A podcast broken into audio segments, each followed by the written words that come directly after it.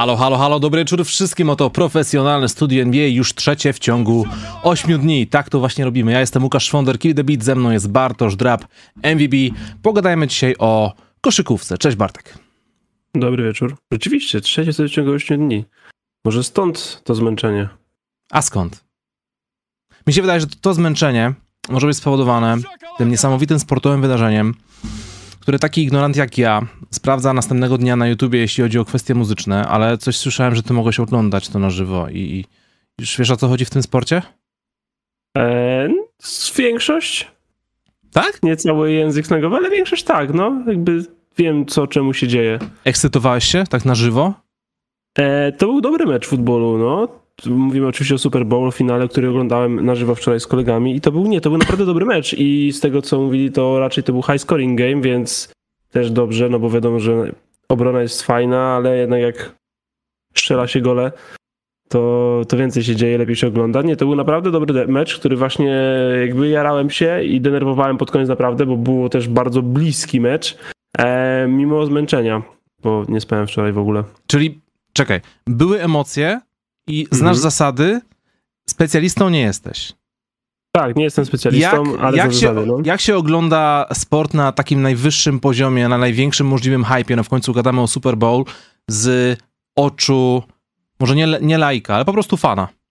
Nie masz takiej, wiesz, takiego, że nie musisz niczego analizować, nie musisz niczego sprawdzać, tak, jest, nie to, widzisz to jest, błędów. Raczej jest tylko taka sama radość z oglądania? Tak, jest dużo łatwiej się ogląda właśnie przez to, że nie muszę analizować, że nie muszę zapamiętywać, że nie muszę szukać w jakichś, jakichś drobnych rzeczach, na przykład oglądam mecz koszkówki, zawsze wszystkie te rzeczy robię, tylko po prostu sobie mogłem oglądać mecz i nie kibicowałem jeszcze nikomu, e, bo, bo, bo, no bo nie kibicowałem nikomu, e, to bardzo łatwo się oglądało. I w ogóle jakoś tak przez to, że to jest tak ogrom e, stadionu i w ogóle nie było czuć jakiegoś takiego super presji ciśnienia, nie, nie, było tak gęsto, jak czasem jest na przykład na finałach NBA, że czasem aż tak czuć, jakby kibice mieli spaść na parkiet zaraz. Wiesz o co chodzi, jest tak no. bardzo gęsto. I nie było tego czuć przez ogrom stadionu, e, ale, ale naprawdę bardzo dobrze się oglądało. No to super. I to był naprawdę dobry mecz, w sensie rzeczywiście były takie zagrania, że wiesz, nie trzeba być, nie, nie jest się ekspertem, ale się za to, to być, o, rzeczywiście były takie podania, takie były, takie były podania, że wiesz, że nawet byś nie wymyślił, żeby takie, że, takie coś rzucić, albo byś się dygał, żeby w ogóle, czy to dorzucisz, a no, były naprawdę super akcje. Wiesz, rzeczywiście, przy, przy, jeden, wiesz, e, quarterback e, Chiefs walczący z kontuzją, biegający w ostatniej kwarcie na, na dziabniętej kostce, więc e, kumam, kumam. Było, było, wiesz, to co w sporcie powinno być. Dajcie znać na czacie, czy w komentarzach, czy wy oglądacie w ogóle futbol amerykański, czy wam się Super Bowl podobał. Ja ze swojej strony oczywiście na początku zachęcam was wszystkich do tego, żebyście kliknęli tego kciuka w górę, zasubskrybowali kanał po więcej koszykarskich treści. Co poniedziałek nadajemy nasz program na żywo na YouTubie, ale także od wtorku, od rana e, podcast jest dostępny na Spotify, Google oraz Apple Podcasts, więc e, fajnie, że tutaj jesteście co tydzień. Dzisiaj pogadamy sobie przede wszystkim o rekordzie LeBrona Jamesa, ponieważ w zeszłym tygodniu nie mieliśmy kiedy tego zrobić ale też przyjrzymy się tym nowym klubom NBA, nowym Dallas Mavericks, nowym Brooklyn Nets, e, nowym Boston Celtics, bo wiadomo Mike Muscala, game changer. Będą cisi bohaterowie, będą e, w ogóle bohaterowie poprzedniego tygodnia, więc e, no co, Bartek? A, i oczywiście będzie jeszcze segment o partnerze dzisiejszego odcinka, o Draft Campie, który powinniście doskonale kojarzyć, jeśli jesteście tutaj e, ze mną od kilku lat, ponieważ e, działam z Draftcampem od 2017, no może 18, nie, przesadzajmy, nie przesadzajmy, od, 8, od 2018 roku. I co roku właśnie jest zawsze jakaś tam akcja, gdzieś tam odwiedzam, patrzę, co tam się dzieje i propsuję tę akcję całym serduchem, więc dzisiaj też o tym chwilę pogadamy. Ale zacznijmy może od e, najlepszej... Pytania mojego do ciebie na temat kącika kulturalnego. Oglądałeś The Last of Us?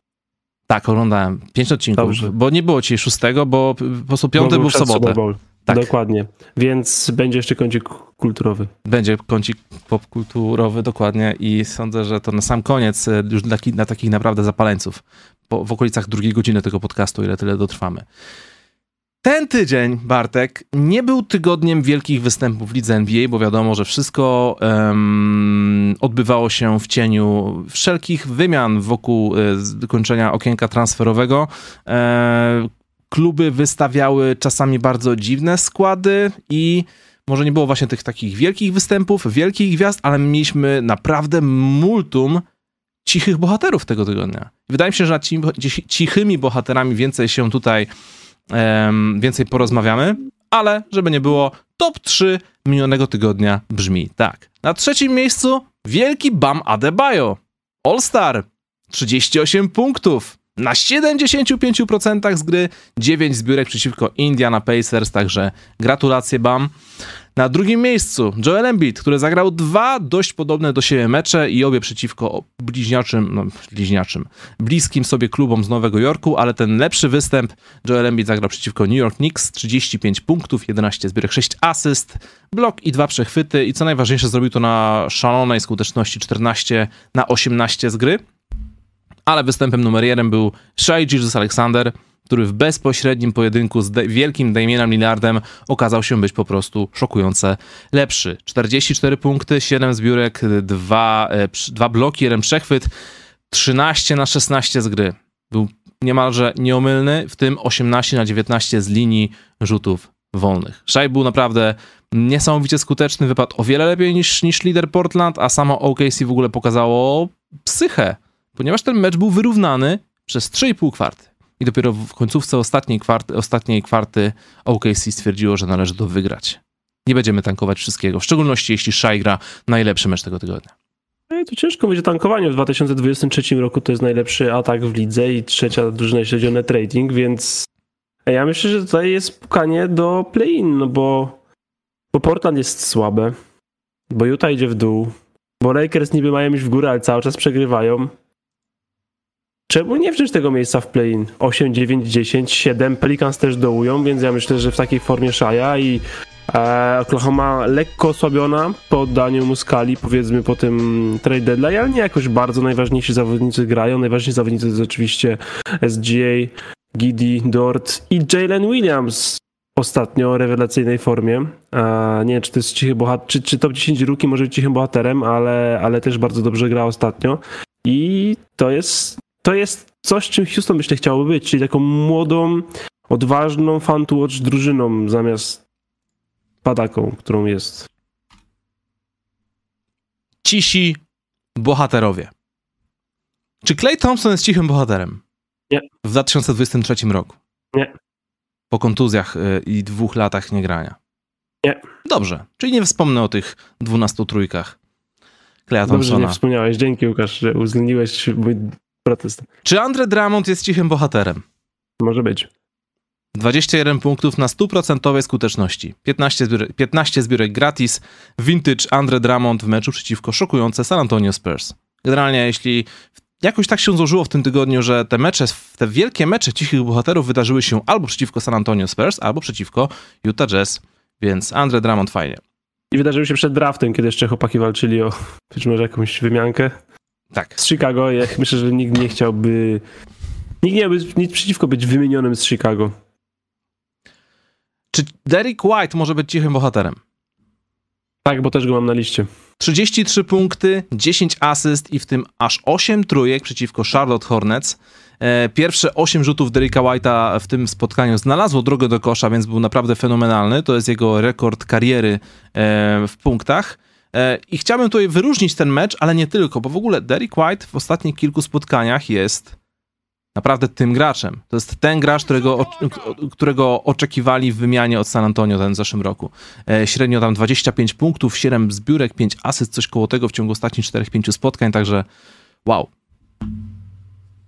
Chyba 4-20-10 zrobione od kontuzji Smarta. Mhm. No, oglądałem właśnie dzisiaj pod tym kątem e, Boston z Memphis. Jakoś strasznie nie mógł mi ten mecz wejść na początku. Trochę hate watchowałem, bo jakieś takie tempo było dziwne, było dużo takich głupich zagrań w ogóle, ale jak sam Hauser z Derekiem White'em wzięli się do roboty, to też to, jest, to mecz Sam Hauser jest też moim cichym bohaterem. Dziewięt... go od razu, bo to jest backcourt. W ciągu ostatnich czterech meczów, trzy z nich chyba był starterem, 19 trójek trafił na powyżej 50% skuteczności. To jest naprawdę świetny występ jak widziałem właśnie ten mecz z Memphis, bardzo mi się podobało to, że on się nie bał. Dostawał piłkę i cyk, rzucam. On wie, od czego jest tej drużynie. Jeśli, jest, jeśli sobie gra pick and pop albo się uwalnia po zasłonie, ma rzucić po prostu. I korzystał z tego i trafiał to. Więc y, super sprawa. W ogóle to jest kącik cichych bohaterów, ale chciałem właśnie tutaj zwrócić uwagę na to, jak bardzo Boston Celtics pokazują, że mają wspaniale zbudowaną drużynę. Ich takim Dlatego jed... moje pytanie brzmi, czy Brad Stevens może być cichym bohaterem tego sezonu? Ty odpowiedz. Chyba nie do końca, ale jest bardzo cichą postacią w ten sposób, że wiesz, nie ma go na wywiadach, nie ma go na meczach, nie krzyczy, wiesz, nie widzimy go że jak dostaje techniki i tak dalej. A Boston Celtics, to co napisałem dzisiaj na Twitterze właśnie, to jest tym pytanie, czy Brad Stevens może być cichym bohaterem? Nie wiem, ale Derek White i Sam Hauser na pewno mogą być, więc, e, więc, więc, więc fajnie, że mamy ich tutaj wyróżni wyróżnionych w tym, w tym segmencie, ale budowa składu Boston Celtics jest imponująca. Naprawdę zasługuje na wielkie uznanie, bo kiedy, nawet kiedy brakuje im ludzi, teraz nie grał Brown, bo ma pękniętą twarz, e, nie gra Smart, bo jest kontuzjowany, mecze opuszcza Horford, na początku nie grał Williams, a ten duży oczywiście Jason Tatum też trochę meczów sobie poopuszczał, żeby w miarę zarządzać jego zmęczeniem, a oni cały czas wygrają to, co trzeba wygrać. W każdym meczu potrafią rzeczywiście odpalić za trzy na, na, na poziomie, w którym większość ligi po prostu nie jest w stanie za nimi nadążyć. Eee, dodatek Majka Muscali nie wiem, czy jest jakiś taki perfekcyjny, ale no, rozumiem, że cena za jako Pertla była zawsze za wysoka, mhm. a inni, wyso inni wysocy nie, nie, nie spełniali oczekiwań a, trenera i, i, i menadżera. Więc, więc po prostu to jest takie, to jest dobre wzmocnienie. Po prostu nie wiem, czy to było najlepsze wzmocnienie, jakie mogli sobie załatwić, ale no skład wygląda bardzo, bardzo mocno. W sumie skala może nie mieć znaczenia, bo może każdy się Galinari wróci i będzie w miarę znaczy, wiesz, mi się akurat temu skala, temu skala póki co mi się bardzo podoba. Najpierw zniszczył rekord Lebrona, a później został wytransferowany i w dwóch meczach 10-12 punktów, trafiając 6 na 13 trójek. Więc jeśli takim niskim kosztem Boston Celtics zgarnęli sobie do rotacji powiedzmy drugiego Granta Williamsa, może ciut gorszego, no to wydaje mi się, że super. E, troszkę mnie zastanawia ta sytuacja z Peytonem Pritchardem, bo on jakby chciał zdobyć większą rolę gdzieś w innym klubie, Chciał odejść po prostu. Chciał po prostu odejść, nie został wytransferowany, po czym trade deadline się zakończył. Boston Celtics, e, no to nie jest Kyrie Irving, więc, więc e, nie musieli słuchać takiego roleplayera, po czym Peyton Pritchard stwierdził, a że w sumie to się cieszy, bo zostanie tutaj, fajnie się gra, fajna ekipa, będziemy wygrywać git. Nie wiem, czy to jest taka, wiesz, troszkę maska, uśmiechnięta maska na wkurzoną twarz, ale, ale też mi się podoba to, że, że, nim, że, że nie wysłali go nigdzie indziej. A jeśli chodzi w ogóle o ten team, nawet tą, wiesz, obecność sama Hausera, tej jego trójeczki, obecność Luka Corneta, jego prezencję pod koszem, nawet kiedy masz lidera zespołu, który trafia 3 na 16 z gry, ta drużyna potrafi wziąć się w garść. Wszyscy wokół jakby... To już jest ta ciągłość, to jest ta rzecz, którą, o którą chwalimy Milwaukee Bucks od kilku sezonów. Boston Celtics robią dokładnie to samo. Oni nie robią, nie, nie, robią jakichś hardkorowych, strasznych zmian w swojej rotacji, bo po prostu wolą mieć podobny skład z roku na rok, coraz bardziej się ze sobą dogadywać, dogrywać i, i może w tym roku będzie lepszy wynik niż, niż, e, niż tylko występ w finałach.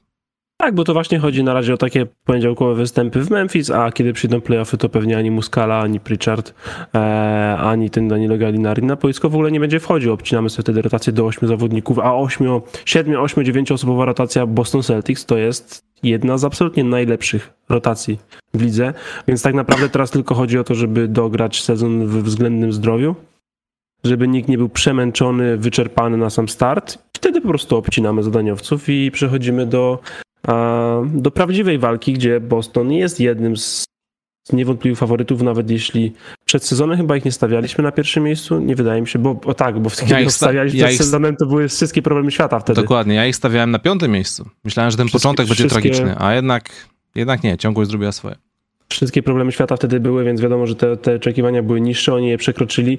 E, Mazula też na pewno jeszcze pewnie ma przecież trochę u nauki przed sobą, bo to przecież ruki coach, to tak mocno ruki ruki. E, no ale jak na razie wszyscy mają komfort pracy, ponieważ drużyna działa prawie perfekcyjnie. A jeśli nie działa perfekcyjnie, to rzuca 23 trójki. Chybaż po prostu większość meczów. Tak to działa. Troszkę przyspieszę tych cichych bohaterów. Um, Jalen Duren, nie wiem, czy to jest cichy bohater, ale w każdym razie niecodziennie dzieje się tak, że ktoś robi 30 punktów, 17 zbiórek i 4 bloki. E, Jalen Branson na pewno nie jest cichym bohaterem, ale 38 punktów przeciwko Utah robi wrażenie. Dalej. E, Jaden Hardy, dużo tych Jadenów i Jalenów. Jaden Hardy, jakby ktoś nie wiedział, to jest zawodnik Dallas Mavericks i zawodnik, który zrobił 29 punktów z ławki w meczu bez Doncicia i bez Rivinga przeciwko Utah Jazz, także wow, gratulacje. I tutaj chciałem wyróżnić dwóch zawodników z Minnesoty, e, którzy w meczu przeciwko Utah Jazz mieli okazję się zaprezentować z bardzo dobrej strony. Przede wszystkim Jalen Noel, 30 punktów, 6 asyst, 2 przechwyty w meczu bez Goberta, już bez D'Angelo Russella. Minnesota ten mecz wygrała e, i to był mecz, który został poprowadzony nie przez all-starowego Antonego Edwardsa, tylko właśnie przez Jalena Noela oraz uwaga, uwaga, uwaga, mój największy cichy bohater, Luka Garza. Pamiętasz Lukę Garzę? Oczywiście, że tak, najlepsze brwi. Był 52 pikiem draftu dwa lata temu. Zapamiętałem go głównie z tej szalenie pozytywnej boiskowej ekspresji, e, jaką grał jeszcze w lidze letniej. On w Detroit wtedy był? Mi się wydaje, tak, że... Detroit, Garza, Garza zawygrał przez Detroit. W tym spotkaniu praktycznie w ogóle go nie kryli. Ja wiem, że to był blowout, Minnesota tam wygrywała 20-30, ale po prostu Luka Garza zrobił tam sobie pokaz pick and popów i po prostu cały czas, ej, nikt mnie nie kryje, rzucam za trzy, nikt mnie nie kryje, rzucam za trzy. Jedna, druga, trzecia, czwarta. Ale jak już jeszcze później brał przeciwników pod kosz i robił im klinikę post z czego pod koniec meczu walnął takiego spin move'a, takiego, taki mini hack rzuca, rzucił, jak Magic Johnson swego czasu. I wiesz, patrzysz na to i mówisz, kurczę, Luka Garza, nie? 25 punktów, 9 na 13 z gry. Najlepsze brwi w NBA. Najlepsze. E, no i oczywiście trzeba było wspomnieć jeszcze o Kamie Tomasie, wiadomo. 3 punkty na 40, To też 3 40-punktowe. Nie wiem, czy Tak. przyszły Hall of Famer, to nie wiem, Ale czy to o nim, pogadamy, o nim pogadamy, jak już wspomnimy sobie, wspomnimy sobie o, jak już będziemy gadać o Brooklyn Nets. Zanim przejdziemy jeszcze do kolejnego tematu, na szybko zmiany w meczu gwiazd z faktu, że e, Kevin Durant, Stephen Curry oraz Zion Williamson nie zagrają w tym spotkaniu. Zamiast nich w, ym, w ich miejsce wchodzi Pascal Siakam, Anthony Edwards oraz Darren Fox. Czyli wciąż James, Har- Jamesa Hardena tutaj nie ma. To jest już nieźle. Nie To dwa już na jest trzy straszne. moje. Bo ja bym też rzucił Sekama i Sekama miałem w ogóle chyba w swoim balocie, się dobrze pamiętam. Eee, Edwardsa miałem pierwszego z zachodu rezerwowego, więc też nie dziwne, że, że wszedł, ale trzeciego w życiu nie dałbym Foxa powyżej Hardena, e, poza Hardenem i szkoda, że ten, że ten Fox się dostał. No i co? I w, Niestety. i w. Aczkolwiek, e, mogę być chwilkę miły dla Sacramento, Oczywiście. bo tak, e, bo to Sacramento tak sobie wiesz, wygrywa mecze, to trzecie miejsce, że no dobra, taka słabość, nikt tam na tym trzecim nie jest, więc jest Sacramento z tak z niczego. Ale nikt się ich nie boi i wszyscy chcieliby ich widzieć w pierwszej rundzie. Ja nie wiem, czy tak każdy sobie, znaczy wiadomo, że chcieliby bardziej trafić wszyscy Sacramento niż Dallas Mavericks, ale to nie będzie taka super milutka przebieżka z Sacramento, nawet jeśli oni nie są w stanie obronić nic przy obręczy i w ogóle naokoło, no to oni naprawdę się będą rozrzucać i jak nie będziesz skupiony przez... To nie tak, że sobie, wiesz, lekki sweep walniesz, bo dasz im chwilę się rozkręcić i oni ci sypią 130 punktów w playoffach też. Eee, Tak jest. więc ja wątpię, że Sacramento nawet, nawet jeśli, wiesz, załóżmy trafią zdrowych Warriors 3-6 para na przykład, to, że będzie sweep, to drużyna jest naprawdę to jest naprawdę solidna drużyna, która powinna przerwać tą żenującą serię niewystępowania w playoffach. Brawo Sacramento. 15 lat budowania drużyny, jesteście solidni. O Sacramento dzisiaj też będę mieć e, kilka pozytywnych słów w ramach moich take'ów na temat e, początku wspólnej gry Kairiego oraz Luki Doncicia. Ja za... już Max, ja już wyczerpałem wszystko. Dobra, okej. E, To ja będę mówić. E, Póki co chciałem tutaj zrobić segment w związku z partnerem naszego odcinka, czyli obozów koszykarskich Draft Camp. I tutaj mam do ciebie, Bartek, pytanie. Czy ty byłeś na kiedykolwiek na obozie koszykarskim? Nie, nie byłem nigdy na łodzie koszykarskim. Czy miałeś kiedyś trenera, który zamiast cię motywować i uczyć, dar się na ciebie albo cię bił? Tak, bez bicia, ale darcia się tak, jak najbardziej. Czy miałeś trenera, który kiedykolwiek sprawił, że odechciało cię grać w koszykówkę? Owszem, nawet kilku. Tak? Nawet kilku? Nawet kilku. Smutne to jest wszystko, co mówisz. I smutne jest też to, że coś czuję, że wśród y, widzów mamy wielu takich rówieśników, którzy mogli poczuć się podobnie. Że też mieli taką przeszłość, e, no ale cóż, to jest przeszłość. Ja tutaj ze swojej strony chciałem tutaj wam polecić. Nieważne, znaczy nieważne, to jest ważne, zależy ile macie lat. Albo dla was, jeśli macie naście lat, albo dla waszych synów bądź córek, jeśli macie więcej niż naście lat. Chcielibyśmy wam polecić e, 9 dni pełnych koszykówki, czyli obóz koszykarski Draft Camp. Rzucam wam teraz link na e, czat. I w wielkim skrócie to jest obóz trochę taki inny niż wszystkie, ponieważ wiadomo, trening treningiem, uczymy się koszykówki, szkolimy swój warsztat i w ogóle, ale prawda jest taka, że ten draft camp to jest trochę takie przeżycie. I jak się zapoznałem z tym całym projektem te kilka lat temu, kiedy zacząłem z nim współpracować, tak dotarło do mnie, wow, w sensie nie wow, raczej dem. Szkoda, że jestem taki stary, bo gdybym, gdybym był młody, to bym bardzo chciał, żeby rodzice mnie tam wysłali, ponieważ to nie jest tylko i wyłącznie koszykówka i w ogóle to jest takie jakby doświadczenie. E, widziałem kilka opinii na stronie Draft Campu i ktoś tam na przykład, y, y, jeden z uczestników stwierdził, że Draft Camp jest jak tryb kariery w NBA 2K. Jest jak na przykład cała ta droga przez draft, y, przez draft combine, przez wybieranie przez normalny draft, przez um, angażowanie się w zupełnie nowej ekipie, granie sezonu, granie playoffów, wygrywanie mistrzostwa. Takie bardzo skondensowana na, polski, na polskim podwórku wizja tego, jak mogłaby wyglądać e, liga NBA w ciągu ledwie 9 dni. Bardzo mi się to spodobało i byłem nawet tam kilka razy, żeby zobaczyć, jak to wszystko wygląda. E, wszystko tip-top i co najważniejsze, dlaczego zadałem ci takie na początku takie ciężkie, trudne, niefajne pytania. Wszystko jest zrobione w takim bardzo sympatycznym, pozytywnym, wspierającym, nowoczesnym pod względem psychologicznym i w ogóle takiej, takiego podejścia do, do młodszych e, sposobie. Jest po ludzku zrobione. Tam nie ma darcia ryja, tam nie ma grania gwiazdami, a ci, którzy są cięcy, siedzą na ławie i się smucą, bo nie wychodzą na boisko. To jest po prostu taki obóz, że nie wiem, jeśli jesteś średniakiem, to jedziesz coś przeżyć. Jeśli, jeśli jesteś dobrym graczem, to jedziesz się czegoś nauczyć i zbudzić swoją pewność siebie. Jeśli jesteś graczem, który siedzi na samym końcu ławki w jakiejś tam lidze trzeciej, drugiej, nawet pierwszej polskiej, jedziesz na draft camp e, i po prostu odzyskujesz swoją miłość do koszykówki, coś w tym stylu. E, jeszcze na sam koniec wspomnę, że jeśli ktoś widział te wszystkie słynne filmiki z Jeremym Sohanem, młodziutkim, kiedy e, legendarny Zbyszek Bytomski krzyczał mu do ucha, mówiąc, że będzie grał kiedyś w NBA, a Jeremy patrzył na niego i zastanawiał się, o co mu w ogóle chodzi, no to to wszystko się wydarzyło właśnie na draft campie. Więc w wielkim skrócie, dużo tam jest do opowiadania, bo to jest wielka sprawa. Wrzuciłem wam link na czat, znajdziecie to w opisie i e, ze swojej strony chciałbym wam po prostu polecić e, sprawdzenie tego, e, żeby zagrać, jeśli jesteście młodsi, lub żeby zastanowić się, czy nie wysłać tam swoich pociech, jeśli jesteście starsi. Po prostu coś, co młody koszykarz każdy powinien przeżyć, dostać szansę, Dokładnie zobaczyć. Tak czy to jest dla niego poznać trochę nowych ludzi, trochę potrenować i nie zostać okrzyczanym za to, że się zrobił jakikolwiek błąd.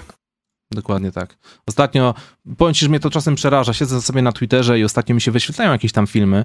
Dobrze, że w czasach social media takie rzeczy są e, publicznie, publicznie tępione, ale widziałem mm, jakąś tam szkółkę od, od siatkówki i po prostu trener podszedł do chłopaka 15-letniego i mu walnął w czerep. I go tak przetrząsnął, a ten chłopak się tak przestraszył, bo pewnie coś źle zrobił na boisku, ale kurde, tak się nie robi. Takie rzeczy uchodziły płazem, wiesz, 30 lat temu, kiedy nikt nie mógł tego sprawdzić i rodzice albo nie mieli czasu się tym zajmować, albo nie chcieli się tym zajmować. Ale w dzisiejszych czasach, kurde, wyrzucić takiego typa, żeby się nie zajmował szkoleniem e, młodzieży, bo nie ma do tego ani podejścia, ani, ani techniki, ani niczego. Także Bartek, jeszcze, jeszcze tak odnośnie ciebie, przykro mi, że miałeś takich trenerów i, ma, i cieszę się, że mimo wszystko nie zniszczyli w tobie chęci do gry w koszykówkę. Nie, na szczęście nie zadziałało to dla mnie bardzo źle, ale, ale no nie powiem, bo kilka razy było blisko. Ale na szczęście nic z tych rzeczy.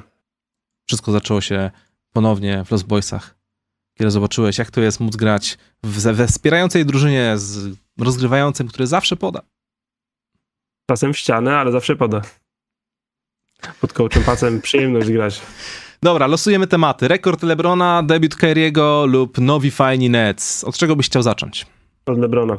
Od Lebrona. Więc e, wy, to już nie jest noc, chociaż dla mnie była. Mecz o czwartej nad ranem, to jest dla mnie noc. Los Angeles Lakers vs Oklahoma City Thunder. Nie wiem, ktoś miał pomyśleć, że LeBron stwierdzi, że fajniej będzie nie rzucać tych punktów i zrobić to następnym razem, bo Lakers, Bucks, bo Karim też grał w Bucks, nie wiem. Ja we wtorek się obudziłem wiedząc, szedłem w poniedziałek spać, e, wiedząc, że LeBron, e, to było we wtorek czy środę, przepraszam, dzień, dzień do przodu. w każdym razie, dzień przed kładłem się spać e, bardzo wcześnie, nastawiając budzik, wiedząc, że LeBron zrobi ten wynik, obojętnie co by się nie wydarzyło w tym meczu. I cieszę się bardzo, że zrobił. I zrobił to, wydaje mi się, kurczę, nie wiem jak to ująć nawet tak bo o tym meczu zostało powiedziane wszystko, bo każdy miał coś do powiedzenia. Wiadomo, Bartek, jak to bywa w internecie. 38 punktów na 65% skuteczności. Trafił 4 na 6 trójek, 66%. 7 zbiórek, 3 asysty, 3 przechwyty. Ze starterów był jedynym plusowym graczem na plus 8. Że, przepraszam, Patrick Beverly miał plus 1. No, plus 1, dobrze, wielka różnica. Ale Czy to jest zły Gold. mecz? Czy to jest mecz, w którym, by- po którym byś się zastanowił, że on tutaj wyszedł tylko, żeby zrobić sobie rekordzik i elo, bo miał, nie wiem, gdzieś resztę kolegów zespołu i w ogóle i tylko natrzaskał. Nie wiem, jak można dojść do takich wniosków, patrząc chociażby na ten statline, nie patrząc nawet na mecz. Nawet na highlighty nie patrząc. Patrząc na statline. Powiedz mi, Bartek, wytłumacz mi. Czy jest czymś się jarać? Czy ten rekord miał znaczenie? No oczywiście, że miał. Przecież kurczę, z 6 lat temu jeszcze jakbyśmy rozmawiali. Łukasz, jak myślisz, jakie rekordy nie zostaną prawie na pewno pobite? No to była ścisła czołówka, wiesz, ten, ten rekord Karima, on zawsze, on zawsze był w tym miejscu, ten rekord i zawsze sobie był i był ten Karim, i Karim, i Karim, i wiesz, i Kobe Bryant sobie przed całą karierę, i Jordan, i w ogóle, i tak się tam gdzieś ludzie zbliżali, przeskakiwali, tam 8 na 7, Dirk tam gdzieś wskoczył, przecież Dirk też jest chyba w szóste czy w piątce, E, ale wiesz, ten Karim to w ogóle był tak, tak strasznie, strasznie, strasznie, strasznie. To, To był poziom, inny nieosiągalny. Dokładnie, to w ogóle jakiś kosmos, nie? Rekord sprzed 38, po, ponad, przez, sprzed, sprzed ponad 38 lat. I nikt się nawet przez ten okres nie zbliżył. Dokładnie. Tym, tym im bardziej imponujące to jest, że tak długo rekord bez, e, bez nawet dwóch trafionych trójek w karierze, co dla Karima też wielkie uznanie. Tak. A bo wiadomo, że LeBron z tymi trójkami miał trochę, no nie wiem, że łatwiej, no ale wiadomo, że tych punktów zdobywał, zdobywał trochę szybciej. Ale to był taki rekord właśnie jeden z tych najbardziej monumentalnych, więc myślę, że to jest wielkie osiągnięcie E, i każdy fan poza fanami Bostonu pewnie to też sam widzi, bo udowadnia nie tylko właśnie tą długowieczność i spektakularność LeBrona, bo to przecież stał się najlepiej punktującym zawodnikiem w historii, a punktowanie to nawet nie jest jego najlepszy skill, w sensie jego najlepszy skill to jest podawanie, zdecydowanie. Czwarty, najle, naj, czwarty najczęściej asystujący w lidze. W Ciekawe, historii. czy, czy dałby radę wejść do top 3 obu tych, tych, y, tych statystyk, bo to wtedy rzeczywiście byłoby naprawdę coś. E, ale jak sobie właśnie o tym myśleć, że tak, wiesz, myślimy sobie, LeBron 38 lat, no gra teraz jak gra, wiesz, może zdobywać prawie po 30 punktów na sezon, w tamtym sezonie było tak samo, to łatwe, zaraz ktoś to pobije, ale nie, to się nie dzieje, to się nie dzieje, nie, nie dzieje się 20 lat, 20-25 punktów na mecz i to z jaką regularnością, łatwością, też ten jego streak legendarny, tych wiesz, 10, 10 plus punktów zdobywanych w meczach, to też jest naprawdę wielka umiejętność, wielki trening, wielki postęp, jaki on wykonał. Przecież kiedy wchodził do ligi, to był oczywiście atletą z kosmosu, ale nie miał jakiegoś rozwiniętego postapów. Nie miał rozwiniętego rzutu, przecież na początku chodzili pod zasłonami i to wiele lat chodzili pod zasłonami obrońcy i było w miarę sposób na niego. E, a on ewoluował, stracił dużo atletyzmu i wciąż nie ma na niego odpowiedzi. Mi się, Więc bardzo, to jest mi, naprawdę- się, mi się bardzo podobało, jak Draymond Green swego czasu powiedział, to jest oczywiście, to nie jest bezpośrednia odpowiedź na to, kto jest GOATem, bo wydaje mi się, że ta dyskusja nigdy tak na dobrą sprawę nie zostanie rozstrzygnięta, ale jest coś w tym, kiedy patrzysz na gościa, który po kilku latach od wejścia do ligi był najlepszy w lidze, 5 lat później był dalej najlepszy w lidze, 5 lat później znowu był dalej najlepszy w lidze, mija 20 lat, może nie jest najlepszy w lidze, ale wciąż się wrzuca na ogon do tego panteonu najlepszych w lidze. Jak możesz być cały czas na topie, non-stop nie tracąc swojego prime'u? JJ Redick powiedział, LeBron James nigdy nie ma swojego prime'u, jego kariera to jest prime. To jest coś, to jest evenement, to jest coś, z czym się nie spotykamy i owszem, ten, e, ten rekord nie jest wynikiem tylko i wyłącznie jakiś, jakiegoś niesamowitego ta- talentu strzeleckiego. No bo większy talent strzelecki miał, nie wiem, Michael Jordan, Wilt Chamberlain miał, miał większy talent strzelecki, ale robić coś cały czas przez 20 lat, nie tracić przy tym aż tak dużo gry z powodu kontuzji, z powodu swojego końskiego zdrowia, swojego, z powodu swojego profesjonalizmu do tego, jak się podchodzi do sportu, nie tracić przy tym chęci, nie tracić przy tym zaangażowania, nie odlecieć gdzieś w drugi biegun, totalnie, nie wiem, na przykład w czasie lokautu e, nie zajeść się cheeseburgerami czy czymkolwiek, tylko wiesz, z roku na rok LeBron James, profesjonalista, zjawia się i robi swoje. I to jest dla mnie coś takiego, że ten rekord jest fascynujący ze względu na tą długowieczność. Nagrałem o tym, nagrałem o tym film w zeszłym tygodniu, e, opublikowałem go i tam właśnie dodałbym kilka myśli, ponieważ ja tam wspomniałem o tej wypowiedzi Luki Doncicia, że czy będzie chciał pobić ten rekord. Luka stwierdził, że w sumie nie wątpię, że, że mi się będzie chciało grać 20 lat. I wydaje mi się, że to jest ten mindset, który będzie mieć zdecydowana większość zawodników teraz, w dzisiejszych czasach, bo ludzie już nie mają takiego parcia, że jest tylko i wyłącznie koszykówka, nic mnie nie interesuje, kończy się koszykówka, nie wiem, co mam dalej zrobić ze swoim życiem. Luka ma milion rzeczy innych do roboty, Janis ma swoją rodzinkę, Nikola Okić ma swoje konie i wiesz, nie wyobrażam sobie, żeby oni za 15 lat, jak już organizm naprawdę będzie się męczyć, kolana będą boleć, kostki będą powykręcane, być może odpukać, jakaś kontuzja się pojawi, Wątpię, żeby oni by chcieli to tak śrubować i śrubować, byleby tylko zbliżyć się do tego rekordu LeBrona Jamesa. I dlatego twierdzę, że ten rekord będzie po prostu nie do pobicia. Bo oprócz tego niesamowitego kombo talentu, końskiego zdrowia, e, długowieczności, przede wszystkim e, też e, braku tych kontuzji, e, rozchodzi się wszystko o to, żeby cały czas były te chęci. Bo ilu graczy chciało tak naprawdę grać 20 lat. Ilu dotrwało do tego momentu i ilu dotrwało do takiego momentu, żeby jeszcze dodatkowo robić przy okazji 30 punktów na mecz.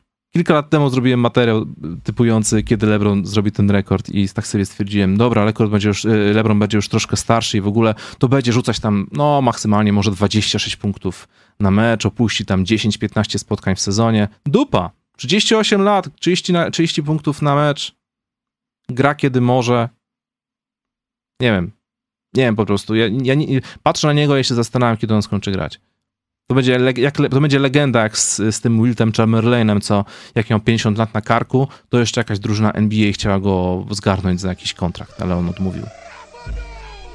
Tak, bo to jest, wiesz, to, to, to chęć grania, walki na tym poziomie, to nie było tak, że przecież to jest tak, że wiesz, umierający na boisku staruszek chce tylko doszarpać się do rekordu i zejść ze sceny, nie? Mhm on gra, bo chce wygrywać. Przecież te 3-2 miesiące temu mówił, a, wiesz, naciskał na Lakers, że hej, ja nie chcę sobie po prostu grać, żeby sobie pykać, walczyć o play w ogóle, nie? Chcę grać, żeby wygrywać. Wygrywanie z DNA, ale nic innego mnie nie interesuje. To jest pewien sposób mamba mentality. 20 sezon z rzędu utrzymywać motywację na takim poziomie. A, a o tej wielkości, o której też mówiłeś, no to wiesz, trzy kluby zbudowały wobec niego cztery mistrzowskie drużyny w trzech różnych erach koszykówki, więc i zawsze on był tym numerem jeden najlepszym zawodnikiem i w każdej z tej R y, drużyn w ogóle był innym zawodnikiem, ale zawsze był największy i najważniejszy, nie? A jesteśmy jeszcze trzy lata dalej od ostatniego tytułu i on wciąż zmienia trochę swoją grę, wciąż się dostosowuje. I nie powiem, że już jest nie do powstrzymania, bo już jest kilku obrońców lidzy, którzy być może za nim nadążają, ale to nie jest tak, że wiesz, że, że, że przychodzi jakiś LeBron stoper i LeBron sobie 4 punkty na 1 za 18 gry na, ty, na tym zawodniku. Takie rzeczy się nie dzieją. A wiesz, mówimy, zawsze mnie to trochę bawiło, jak sobie czasem dziennikarze dorabiają jakieś kategorie, żeby pochwalić większą ilość zawodników, to sobie do, dorabiają kategorie nieistniejące. W sensie mówimy o najlepiej punktujący, ale powiedzmy najlepszy pure scorer to już jest Kevin Durant, nie? Mm. I takie rzeczy. I właśnie mówimy sobie o tym na przykład właśnie Kevinie Durancie, który powiedzmy, że z tych ostatnich 15 lat jest drugim, może trzecim zawodnikiem w NBA. A najlepszy pure scorer w lidze, nie? Niepowstrzymana broń ofensywna, dwa punkty z każdego miejsca na parkiecie, po prostu midrange, trójka, layupy, wjazdy, na przewyższeniu, wszystko ma tego już ma 12 tysięcy punktów mniej niż LeBron. 12 tysięcy punktów. Nie, nie jest tak, że, że OK jest tam wyraźnie słabszy. Jest 12 tysięcy punktów. To prawie połowa, tych, prawie połowa tego, co ma łącznie. Którym mm. brakuje do Lebrona. E, a już ma 35 lat przecież. No tak. No i też poza tym, jak patrzymy na, na, same punkty, na, na same punkty LeBrona Jamesa w playoffach, ktoś może stwierdzić, że LeBron James, LeBron James nie jest najwięcej punktującym, najlepiej punktującym w historii, albo że trzaskał punkty, które nie miały kompletnie żadnego znaczenia. Hej, LeBron ma 1300 punktów więcej niż druga postać, jeśli chodzi o playoffy w całej historii lidze. 1300 to jest naprawdę kolosalna różnica, więc te punkty są bardzo, ale to mają naprawdę przeogromne znaczenia i tak nawet nie są wliczane w rekord, więc to jest w ogóle jakieś, jak, jak, jakaś śmieszność w tym wszystkim. Eee, no... Eee Oczywiście bomba w internecie wybuchła. E, LeBron zrobił coś niesamowitego i normalnie ludzie się cieszą, a ci, którym się nie podoba, że ktoś się cieszy, wkładają oczywiście Michael Jordan to, Michael Jordan tamto. I oczywiście no, niektórzy ma, mieli w tym rację, bo yy, chyba nikt nie powie tak z czystym sumieniem, że LeBron James jest lepszy od Michaela Jordana, yy, bo to jest coś, co jest nie do porównania. Wiesz, jabłka, pomarańcze, ale wyobrażam sobie, że kiedy świętujemy jakąś jedną rzecz, a ktoś drugi stwierdzi, eee, kiedyś to było coś tam. Ja sobie wyobrażam taką sytuację. Bartek, my jesteśmy teraz starsi, nasi znajomi się hajtają, chodzimy na wesela i w ogóle mi się to kojarzy w ten sposób. Wyobrażasz sobie pójść na czyjeś wesele, cieszyć się z ich święta i w ogóle, że miło, że się hajtają, super impreza, po czym tak, dostajesz rosół, bierzesz, bierzesz łyżeczkę i myślisz sobie, dwa lata temu Marka był smaczniejszy. DJ u, u Julity był, był fajniejszy. E, tutaj do dupy to zrobili. A, pogoda u, Mark, e, pogoda u Pawła była fajniejsza. I wiesz, i zamiast jakby cieszyć się tym dniem, że twoi znajomi się hajtają, zaczynasz porównywać. Że jest wszystko gorsze od tego, co było kiedyś. I zastanawiam się, oczywiście możesz tak zrobić, bo każdy ma prawo do własnego zdania, tylko że czasem to wypowiedzenie własnego zdania lepiej zachować dla siebie. Tak mi się wydaje. Ten rekord po prostu w ogóle nie o Michael Jordanie. To w ten sposób nie jest o Michael Jordanie, więc jeśli ktoś mówi LeBron pobił rekord punktów Kareem Abdul-Jabara i czyjąś, czyjąś odpowiedzią jest Al Michael Jordan, no to tak naprawdę, to tak jak właśnie mówisz, y, nawet nie jabłka do pomarańczy, tylko po prostu mówicie w dwóch różnych językach i Przeczytałem bardzo fajny e, wpis na blogu Karim Abdul-Jabara, bo oczywiście, wiesz, Karim 75-letni, będąc na meczu w pierwszym rzędzie, e, cały czas były zoomy kamery na niego i te miny były takie z gatunku, że on albo te miny, że o co chodzi, albo wyglądał jakiś taki smutny, wkurzony, nic z tej rzeczy. Karim ma 75 lat, nie musi być cały czas uśmiechnięty i w ogóle, bo po prostu Karim. Ale on nigdy taki nie był. No on to swoją jest drogą. typem uśmiechniętym, po prostu jest sobą, więc bycie sobą w przypadku Karima to nie jest uśmiechanie się. Pozwolisz, że ci powiem dwie rzeczy, które Karim ujął w tym wpisie. Pierwsza jest tylko taką anegdotką, że gdyby wygrał, jeśli chodzi o ten rekord, czy on czuje się źle z tym, że ktoś w ogóle pobił jego rekord. Gdybym wygrał miliard dolarów, a 39 lat później ktoś wygrałby 2 miliardy, to jak bym się czuł? Oczywiście, że wspaniale, bo dalej cieszyłbym się swoją wygraną, i cieszyłbym się też wygraną drugiej osoby, bo zwycięstwo drugiej osoby nie ma żadnego wpływu na moje zwycięstwo wcześniej. A druga rzecz to już w ogóle brzmi jak cytat. To jest, wiesz, księga cytatów Karima Abdul-Jabara. Uwaga. Pobijanie sportowych rekordów to celebracja ludzkiego pędu do przekraczania własnych ograniczeń, do ponownego zdefiniowania tego, do czego jesteśmy zdolni. To potwierdzenie, że ludzie posiadają zdolność ciągłego doskonalenia się fizycznie i psychicznie. Karim Abdul-Jabbar, panie i panowie, i wielki rekord LeBrona Jamesa. Że Karim trochę złagodział z wiekiem. No on, on, on bardzo, y, nie chcę powiedzieć zmiękł, bo to jakby ma takie pejoratywnie złe, złe znaczenie, a wydaje mi się, że to jest wręcz dobrze, e, ale jest taki bardziej nie, wyrozumiały, nie. zdecydowanie bardziej wyrozumiały, tak. jak wiesz, bardziej ogarnia, już nie odnosi się do wszystkiego kosztem swojego ego. Tak, ale chodzi o to, że wiesz, że on zmiękł, a nie jest miękki, nie? On wciąż tak. jest tą osobą, która potrafi pójść napisać blog, e, napisać wpis na blogu. Kyrie Irving jest głupi, bo e, szerzy antynaukowe tak. informacje. To Karim Abdul-Jabbar potrafi takie coś powiedzieć na głos. E, więc, więc, więc to nie jest tak, że jest właśnie, nie wiem, no postawię tutaj może w kontrze do niego Magica Johnsona, który raczej trochę pudruje takie, takie informacje, raczej stara się szukać pozytywów, raczej stara się dążyć do dialogu, a Karim po prostu może wyjść powiedzieć, że mu się nie podoba i to robi. Eee, ale tutaj zachował się wspaniale z klasą i właśnie to dokładnie to, co on sam powiedział, przyznam do restaurację. Rekord LeBron nie zabiera mu Karimowi 38 lat posiadania tego rekordu. Oczywiście. No, to tak, żeby jeszcze tylko wrócić już do rzeczywistości. OKC ten mecz wygrało, bo po prostu byli niesamowicie skuteczni, rozstrzelali Lakersów trójeczkami, 17 trójek na 50% skuteczności. Los Angeles nic faktycznie nie kryli w tym meczu, Anthony Davis nie istniał, to generalnie tragedia. Ten mecz polegał na tym, żeby jarać się tym, że LeBron James pobija rekord. Bo pod względem innym, pod względem takim sportowym, no to tak mecz jak mecz, trzeba przyznać. No i co, ostatnie dwa mecze LeBron... Typowi Lakers ostatnio. No, ale zobacz, ostatnie dwa mecze Lakers, yy, chciałem tutaj pozdrowić Maćka, który poleciał do Stanów y, specjalnie po to, żeby móc zobaczyć ten rekord. Na początku roku sobie obliczył, że plus minus na, ten, na tym meczu Le LeBron pobije rekord i idealnie trafił.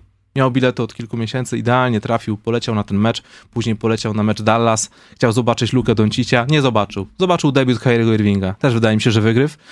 A później mówi, dobra, jeszcze dzisiaj idę na mecz y, LeBron versus Janis.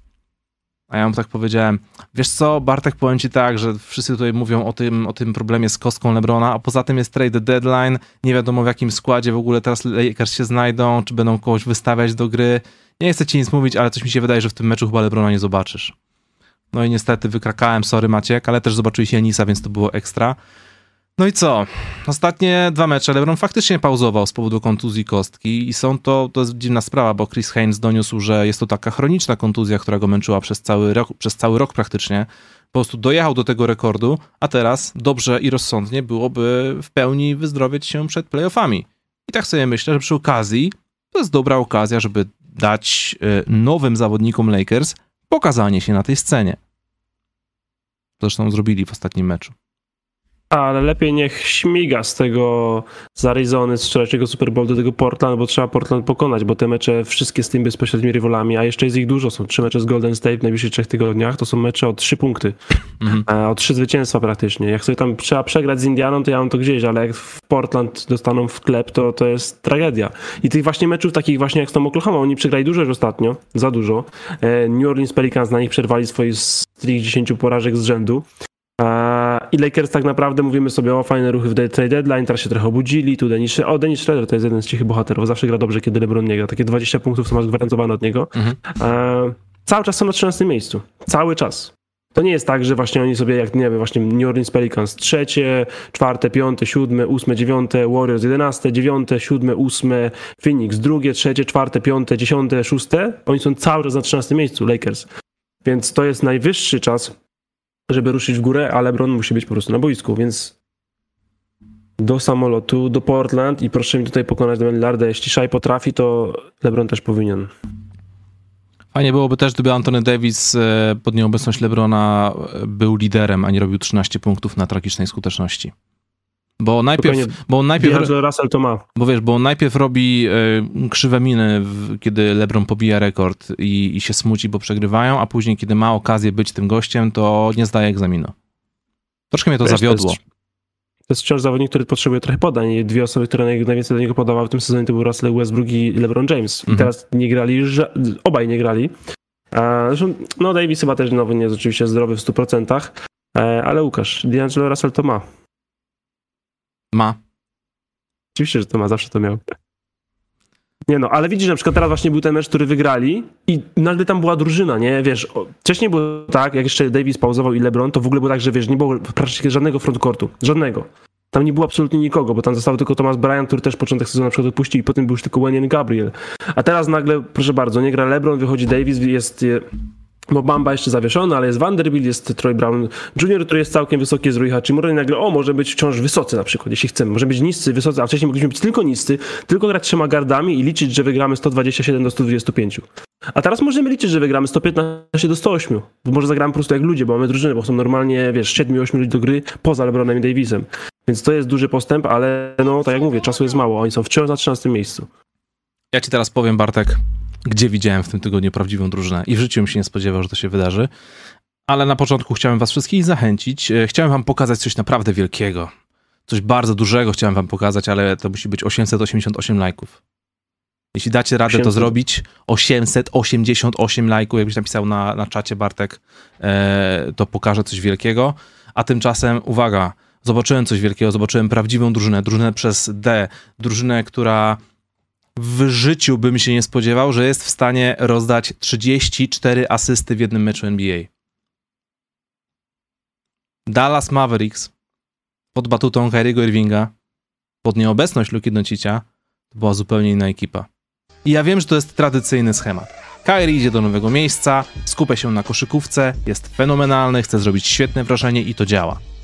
Później się będziemy zastanawiać, co się dopiero może wydarzyć za kilka miesięcy. To jest Kyrie Irving. No, Ale wiemy, co się może wydarzyć. Dokładnie. Ale te pierwsze dwa mecze, wow. Kyrie po prostu wszedł do nowego klubu i chce wszystkim udowodnić za wszelką cenę, że słuchajcie, po pierwsze jestem świetnym koszykarzem, więc wam to pokażę, a po drugie jestem świetnym kolegą zespołu, więc wszyscy tutaj będziecie dostawać podania, możecie rzucać, róbcie wszystko, bądźmy drużyną you go, you go, nie? E, I wiesz, to było naprawdę super. W pierwszym meczu zwycięstwo nad Clippers, 26 asy zespołu, nie robi może jakiegoś mega wrażenia, ale Kyrie Irving solidny debiut, 24 e, punkty na 53%. Bardzo mi się podobało to, że zawodnicy jakby sami z siebie byli podjarani tym wszystkim i byli tacy skorzy do oddawania tych rzutów. To było tak, że Reggie Bullock dostawał piłkę i hej, dobra, nie muszę w sumie oddawać, mogę sobie rzucić i rzucał i trafiał i to było super. E, I to się wydarzyło też w kolejnym meczu, e, też bez Doncicia, e, w tym pierwszym z dwóch meczów z Sacramento Kings. Kyrie 25 punktów, 10 asyst. Co prawda na kiepskiej skuteczności, ale to jest kompletnie nieistotne. Po prostu Kyrie Irving, kiedy grał, sprawiał, że drużyna, że wszyscy inni byli po prostu świetni. Siedem graczy Dallas, minimum 11 punktów. Rzuty rozłożyły się w miarę równomiernie nie ma się do czego przyczepić. Po prostu obecność Kyriego sprawiła, że Dallas nie była drużyną opartą na izolacji supergwiazdy. I to było super. A później... Ja oglądałem ten drugi mecz z Kings i kiedy już Luka wrócił. I się później już troszkę widać, zepsuło. Ale widać, że to jest wciąż budowanie, ale są chęci do budowania. Widać, że są chęci do budowania właśnie po tych wielu złych akcjach, które się wydarzyły w tym meczu. Bardzo dużo było złych akcji w tym meczu takich, że i Luka i Kairi mieli tak, że mieli rzut, ale nie no, podam mu, podam mu, bo jak mu nie podam, zaraz będzie, że mu nie podajemy sobie. I tak psuli, takie, nie oddawali tak dużo dobrych rzutów, żeby po prostu sobie wcisnąć tą piłkę do rąk tylko koledze, e, aż do, do samego końca, kiedy Luka nie podał do Kairi, chociaż też to nie było jakiegoś mega łatwego podania. E, I psuli sobie floaty, bo tak rzeczywiście szukaliście trochę na siłę, ale lepiej szukać się na początku na siłę i powoli to pacyfikować, niż, niż szukać się kompletnie i próbować na to, to na sobie wymusić. Więc widać, że przynajmniej są chęci do tego, żeby, e, żeby budować. E, a jest na czym budować, bo też, też było kilka takich momentów w tym meczu, że no jednak shotmaking Kairego to jest elita, nie? W sensie potrzebujemy szybkich dwóch punktów. Pach, pach, pach, półdyszka, mamy to, nie? To tak. po prostu o tak, tak, tak, tak, mijam, daj, jakiś tam obrońca, nieważne, nie? Ja po prostu wchodzę w korze, jestem maksymalnie agresywnie skupiony, a jak jedyne co możecie zrobić, to mnie podwoić. Jeśli mnie teraz nie podwoicie w ciągu 3 sekund, o, dwa punkty. Zgubiliście to. Wiedzieliśmy, mhm. że potrzebujemy szybkich punktów, ja właśnie zdobyłem, już biegnę do obrony. Trochę się tam pewnie zgubię, bo nie jestem dobrym obrońcą, ale, ale no to jest poziom inny, czegoś, czego całym szacunkiem do e, prawie All-Stara w tym sezonie Jeliona Bransona i do Spencera Dinwiddie'ego, absolutnie Luka koło siebie nigdy nie miał, a więc to podnosi ich sufit, aczkolwiek oczywiście wiemy, jak się takie sytuacje kończą, jak kończą te drużyny to mm. z Kairi, ale no na razie wygląda to całkiem ciekawie, co, na, co najmniej ciekawie. A uwolniono trochę minut dla Josha Greena, co też jest bardzo, bardzo fajnym. Reggie Bullock po cichu wyregulował celownik, a wciąż nie gra przecież Maxi Kliba, który jest takim klugajem tej drużyny, więc też powinni iść do góry, chociaż to można powiedzieć prawie o każdej drużynie zachodu, bo większość z nich się wzmocniła w trade deadline. No ale zobaczymy. E, to, co powiedziałeś, właśnie chciałem tutaj dodać, bo masz całkowitą rację, że Kyrie Irving i Luka Doncic w tym meczu bardzo chcieli sobie nawzajem pokazać, że się szanują i choć powymieniajmy się podaniami tyle, ile możemy. Co przerodziło się ostatecznie z tym, że Luka na przykład zamiast podać, nie wiem, niekrytemu Greenowi czy, czy, czy Bullockowi, e, szukał podania do Irvinga na drugą, stronę, na drugą stronę boiska, co się kończyło stratą. Luka Doncic miał tych strat aż 6. Fajne jest to, że Luka chciał dawać te podania. Bo wiesz, to jest Luka i on czas, wydaje mi się, że on, tego pewnie nie przyzna, ale e, on czasem spojrzy na kolegę zespołu i stwierdzi, dobra, nie podam ci piłki, bo w sumie jesteś gorszy. I możliwe, że obecność Kyriego sprawiła, że spojrzał na Karwiga i stwierdził, dobra, podam ci, bo w sumie jesteś też dobry, więc wow, to jest moja oznaka szacunku dla ciebie. Ale widzisz, w poprzednich meczach Kyrie sprawiał, że reszta drużyny Dallas się uruchomiła i była podjarana, po czym Luka wrócił ze swoim, wiesz, to jest, yy, gramy po mojemu, wy tam stójcie i macie oddawać piłę i reszta drużyny się po prostu znowu zacięła, nie? Nie wiedziała, co ma robić. Gra była oparta na Kairim oraz Luce. Tak jak wspomniałeś, fajnie, że Josh Green uwalniał się na te trójki i korzystał z tych czystych akcji, ale cała reszta, tam praktycznie już, tam już nie było, wiesz, wolności w oddawaniu rzutów. I to jest troszkę rzecz do poprawy. Ta reszta ekipy musi poczuć się trochę bardziej, um, nie wiem, frywolnie na tym boisku, żeby nie bała się oddawać tych rzutów muszą znaleźć trochę balansu. Ja zastanawiam się w ogóle, czy, czy, czy, czy dopuszcza sobie takie myśli, żeby na przykład czasem wypuszczać piątki bez jednego i drugiego. Nie w playoffach. W playoffach raczej będziemy mieć zawsze jednego z nich dwóch na boisku, ale w sezonie regularnym, właśnie w jakimś meczu, powiedzmy, w którym mamy w miarę komfortowe prowadzenie, dać właśnie pograć Hardiemu, dać pograć właśnie Joshowi Greenowi, żeby chociaż pobiegali sobie kilka minut sami, a żeby mieli też te swoje rzuty do wzięcia. No bo rzeczywiście, jeśli, jeśli Luka i Kyrie się zafiksują na koszy i na sobie nawzajem, to może to rzeczywiście czasem wyglądać tak, że hej, no wy teraz, jak Houston Rockets 2.18. To jest Chris Paul, to jest James Harden, piłeczka dla nich, a wy tam biegajcie do rogów i brońcie. Miałem wspomnieć dwa słowa o Sacramento, więc no dosłownie jedno zdanie. Ten mecz, ten drugi mecz Dallas-Sacramento to była playoffowa atmosfera tam na tej sali Sacramento wszyscy, cała publika jak darła ryja, po prostu graliśmy non-stop kosz za kosz, była dogrywka, Darren Fox w czwartej kwarcie, co pokazał agresję i zaangażowanie, to naprawdę super. I wiesz, może to nie był statline na poziomie 60 punktów, ale to był naprawdę, Darren Fox zostawił tam swoje serducho i sprawił, że ostatecznie Sacramento ten mecz zwyciężyło. No i też y, ogólnie kilku zawodników tam zdobywało po tę dwucyfrową sumę punktów, więc, więc to jest ten sezon, Bartek, to jest sezon Sacramento. Wiesz co, oglądałem ten mecz i ktoś, chyba któryś komentator to powiedział, że o, czujemy tutaj teraz playoffową atmosferę, fani dają czadu. A ja tak zastanawiam, a skąd ci fani wiedzą, jaka jest playoffowa atmosfera? część z nich to nie żyła, jak to ostatnio Tak. były playoffy. Ej, Masz całkowitą rację, ale widzisz, no może właśnie dlatego tak się tam darli. Bo tam jest głód, tam jest głód. To już nie jest, No. wiesz, to oni nie są rozpieszczeni tym, nie są, za, wiesz, to nie jest tak, że jeśli nie masz 50%, to jesteś nikim czy coś, nie? To nie jest Los Angeles czy gdziekolwiek indziej. Dla Sacramento to jest coś nowego i oni się tym ekscytują. To jest wspaniałe, Tak. stary. Tam właśnie było to takie poczucie, że hej, zaraz trybuny mogą spaść na parkiet, że oni tak strasznie, że Jezu, to jest taki dla nich, to jest taki, taki mecz, taki mecz, o Jezu, jaki to jest mecz, nie? E, a to był bardzo zły mecz Dallas ogólnie, w sensie nie, Sacramento tak, wiesz, był ten, Aaron Fox, dogrywka czwarta kwarta był wielki, ale pierwsze trzy nie był absolutnie w ogóle prawie w tym meczu. E, I tak, wiesz, Kings to tak prowadzili, wyciągali, remisowali, trochę przegrywali, ale to było widać, że jest lepsza drużyna na boisku Dallas Mavericks, która gra gorzej.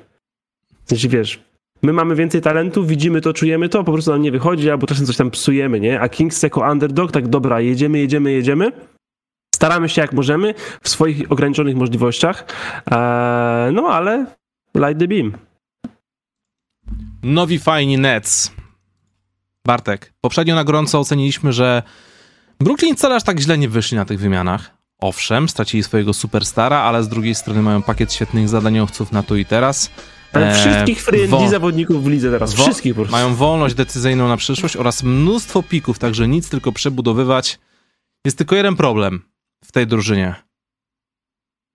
Oni mogą grać naprawdę bardzo fajne, angażujące mecze. Można ich lubić, można ich kochać nawet za tą walkę, za, za to już teraz świeże podejście do defensywy, mimo tego, że jeszcze nie są tak dobrze są zgrani. Ale ten ostatni mecz z Philadelphia 76ers pokazał jeden największy problem. Co zrobić, kiedy mecz się waży i kto ma nam ten mecz wygrać? Spencer Dinwiddie? Czy on jest tym go-to guyem? No nie jest. Bo, tym, bo wiesz, bo zagrał bardzo. Debiut miał spoko, 25 punktów, ale zagrał bardzo słaby mecz numer dwa przeciwko Filadelfii. Ten e, był bardzo nieskuteczny. I fajnie, że pod koniec zwalnął tę pakę. e, Tam jeszcze w międzyczasie dorzucił jakieś punkty. I wiesz, ta trójka była wielka. Jakby ta trójka była wliczona w regulaminowym czasie gry, to to byłby jeden z tych fajniejszych highlightów sezonu. Na pewno jeden z tych najlepszych w ogóle, jeśli chodzi o y, grę nowych zawodników w nowych klubach. Niestety oddał ten rzut, tę trójkę już po, e, już po, już po e, zegarze, więc no niestety nie pykło. A szkoda, bo naprawdę fajna, ekscytująca była. Jak ci podobali nowi Nets? Jak ci podobał Michael Bridges, Cam Thomas, Dorian Finney-Smith? Nie, to jest super, bardzo mi się podoba ta drużyna, wiadomo, to jak Utah Jazz z początku sezonu, ale ta drużyna nie, nie, nie pójdzie donikąd. To jest yy, właśnie to, co mówisz, no nie da się bez zawodnika top 20 wygrywać na dłuższą metę, więc ta drużyna jest teraz pewnie fajna do oglądania, będzie się starać, bo będą się, wiesz, poznawać, pokazywać, zgrywać i, i na pewno dostarczą trochę fanu, ale to jest drużyna, która będzie się zmieniała bardzo szybko i bardzo drastycznie. Ale tak naprawdę, jeśli chodzi o te takie, powiedzmy, elementy budowania, to jest ich aż nadmiar, więc będzie sobie można spokojnie e, wybrać to, co nam najbardziej pasuje wiekiem, skillem, charakterem. I prawdziwy problem Brooklyn Nets to jest, jest, jest inny i nazywa się 80 milionów dolarów płatne przez kolejne dwa sezony. A nie wiadomo, czy jesteś w top 8 naszych zawodników. Tak. Drogi Benie Simonsie. Tak, To, jest problem, Brooklynu, bo jeśli jego by nie było w tej drużynie, nie byłoby tego kontraktu, cokolwiek, dałoby się, nie wiem, amnestię zrobić, tak jak kiedyś była ta, ta reguła jednorazowa e, na nim, to Brooklyn Nets byliby w rewelacyjnej pozycji. Można się ustawić wtedy do handlowania do, po gwiazdę, do zwolnienia środków, żeby podpisać gwiazdę, do jakichś, wiesz, włączenia się do większych wymian. No masz, masz trzech, czterech tak atrakcyjnych, potrzebnych kontenderom free and D, za, za, free and D skrzydłowych, że to jest naprawdę, jesteś idealnym partnerem do handlowania. No ale ma twoje salary jest uwalone, no. Nie wiem, czy Nets w tym roku z Kyrim i Durantem, kiedy wygrywali te wszystkie mecze, byli kontenderem. Może i byli, ale powiedzmy poza tą sytuacją ja nie widzę drużyny, która może z 40-milionowym Benem Simonsem 3-3-3 a, być kontenderem. I trochę to jest właśnie może trochę martwiąco zniechęcające, że fajnie, że są ci nowi fajni Brooklyn Nets, ale w sumie to trzeba po prostu to przeczekać. Trzeba przeczekać ten kontrakt, bo szkoda oddawać pików, kiedy nie masz swoich jeszcze. Mhm. Więc oddajesz jakieś tam, wiesz, opcje, które nie wiadomo jak się tam wypalą czy nie wypalą, żeby pozbyć tego kontraktu, więc ja obstawiam, że generalnie management Nets raczej przygotowuje się na dwa lata budowania. Więc zajmie to trochę czasu, no a ten kontrakt Bena Simonsa no, wygląda okropnie wręcz i to jaki on spadek zaliczył, a może raczej jak nie wrócił po kontuzji, po nierozwiązywalnym konflikcie w szatni w swoim klubie, to to jest no nie wiem, jedna z większych historii. Wydaje mi się, że trochę to tak znika z radaru, no bo on w sumie też tam gra, wychodzi z ławki, a nie jest taką głośną historią, już bo mamy dużo, dużo innych ciekawszych zawodników, ale bardzo źle to wygląda i to jest, to jest problem Brooklyn Nets. Problem Brooklyn Nets to nie jest właśnie to, że odszedł Kyrie, to, że odszedł Kevin Durant, to, że nie mają tych pików swoich, mają dużo innych, mają wiesz, innych fajnych zawodników i też te pi piki ich nie powinny być jakieś bardzo dobre. Kontrakt Bena Simonsa to jest problem. A więc jeśli nie przyjdzie, nie przyjdą jacyś zdesperowani albo pomyleni Charlotte Hornets po niego, to obawiam się, że niestety tutaj trzeba się będzie uzbroić w cierpliwość, dlatego nie napalam się jakoś mega na tą drużynę. Nawet jeśli Michael Bridges Johnson zamierzają na przykład zaraz rzucać 50 punktów na mecz wspólnie. A może zacząć, może zamierzają. Dla mnie ważnym punktem nowych Brooklyn Nets jest zadowolony Joe Harris. Zawsze jak Joe Harris jest zadowolony, twierdzi, że atmosfera jest w porządku i że wszystko śmiga, to jakoś tak Brooklyn Nets e, zdają egzamin. I wiesz, fajnie było to zobaczyć, że w tym meczu, kiedy zagrali już nowym składem, rzucił 18 punktów, jak wiesz, prime Joe Harris sprzed kilku lat.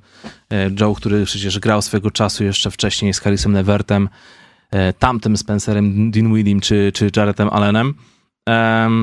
Cam Thomas. E, fajna nazwa się zrobiła z jego trzech występów 40-punktowych. Cam Sanity. Jakkolwiek źle by to nie brzmiało. W ciągu ostatnich dwóch meczów już jednak to nie było to. Najpierw zagrał mecz na bardzo niskiej skuteczności, tam dorzucił dużo wolnych, więc jakoś to wyglądało. Później miał e, też jakiś taki mecz, nie mam wszystkich statystyk przy sobie, ale już, już widać było, że trener go wpuścił patyko na niecałe 20 minut i miał tych punktów o wiele, wiele mniej. I tak się zastanawiam, czy Cam Sanity trwało 3, 3 mecze, w dodatku przegrane, czy tam jest jakaś szansa na coś więcej? Czy on po prostu wykorzystał to okienko w trade deadline, żeby pokazać się i wracamy do punktu wyjścia, czy, czy to mogło mieć znaczenie, że tam, że tam się rodzi coś większego, jakiś większy talent? No właśnie to jest kolejny problem, czy to, że mają teraz tak dużo... Ja się trochę też dziwię Brooklyn Nets, że nie przehandlowali kogokolwiek. Ja rozumiem, że nie chcieli przehandlować Michaela Bridgesa, bo -hmm. jest tych wszystkich free jest najmłodszy i być może największy sufit. A więc y, rozumiem, że może nie jego, ale Doriana Finnea Smitha albo Royce'a Anila moim zdaniem trzeba było ruszyć, bo mamy teraz tych ludzi bardzo dużo, trzeba nimi grać. I wiecie, na przykład teraz najlepsze historie nasze z tego sezonu, Utah Watanabe, Cam Thomas, będą mieli mecze, które się nie zapią do drużyny, nie zapią się na boisko, bo jest ich bardzo dużo po prostu, tych ludzi, tych wingmenów. A więc, więc, więc nawet jeśli będziemy grać jednym wysokim, czyli Nick Claxton wychodzi, zmienia go Ben Simmons i powiedzmy mamy trzy pozycje do obsadzenia, a powiedzmy na, na, na jedynce to Spencer i niego zmieniają ci wszyscy rzucający Seth Curry i Patty Mills, no to to są, nawet jeśli to są trzy pozycje do wzięcia, to to jest 6, 7, 8 zawodników. Już nie mówię o takim na przykład Edmondzie Samnerze, który też, wiesz, grał i był fajną historią, nie? To on mm. jest jeszcze dalej w ogóle, już za Watanabe, który jest pewnie za Camem Tomasem, a Cam Tomas jest właśnie pewnie za tymi wszystkimi weteranami do gry. Więc to nie wiem, czy to jest taka idea, znaczy, oczywiście jest dobra sytuacja komfortowa, że masz dużo ludzi na, wiesz, przydatnych i w ogóle, ale ja się dziwię, że nie ruszyli kogoś jeszcze.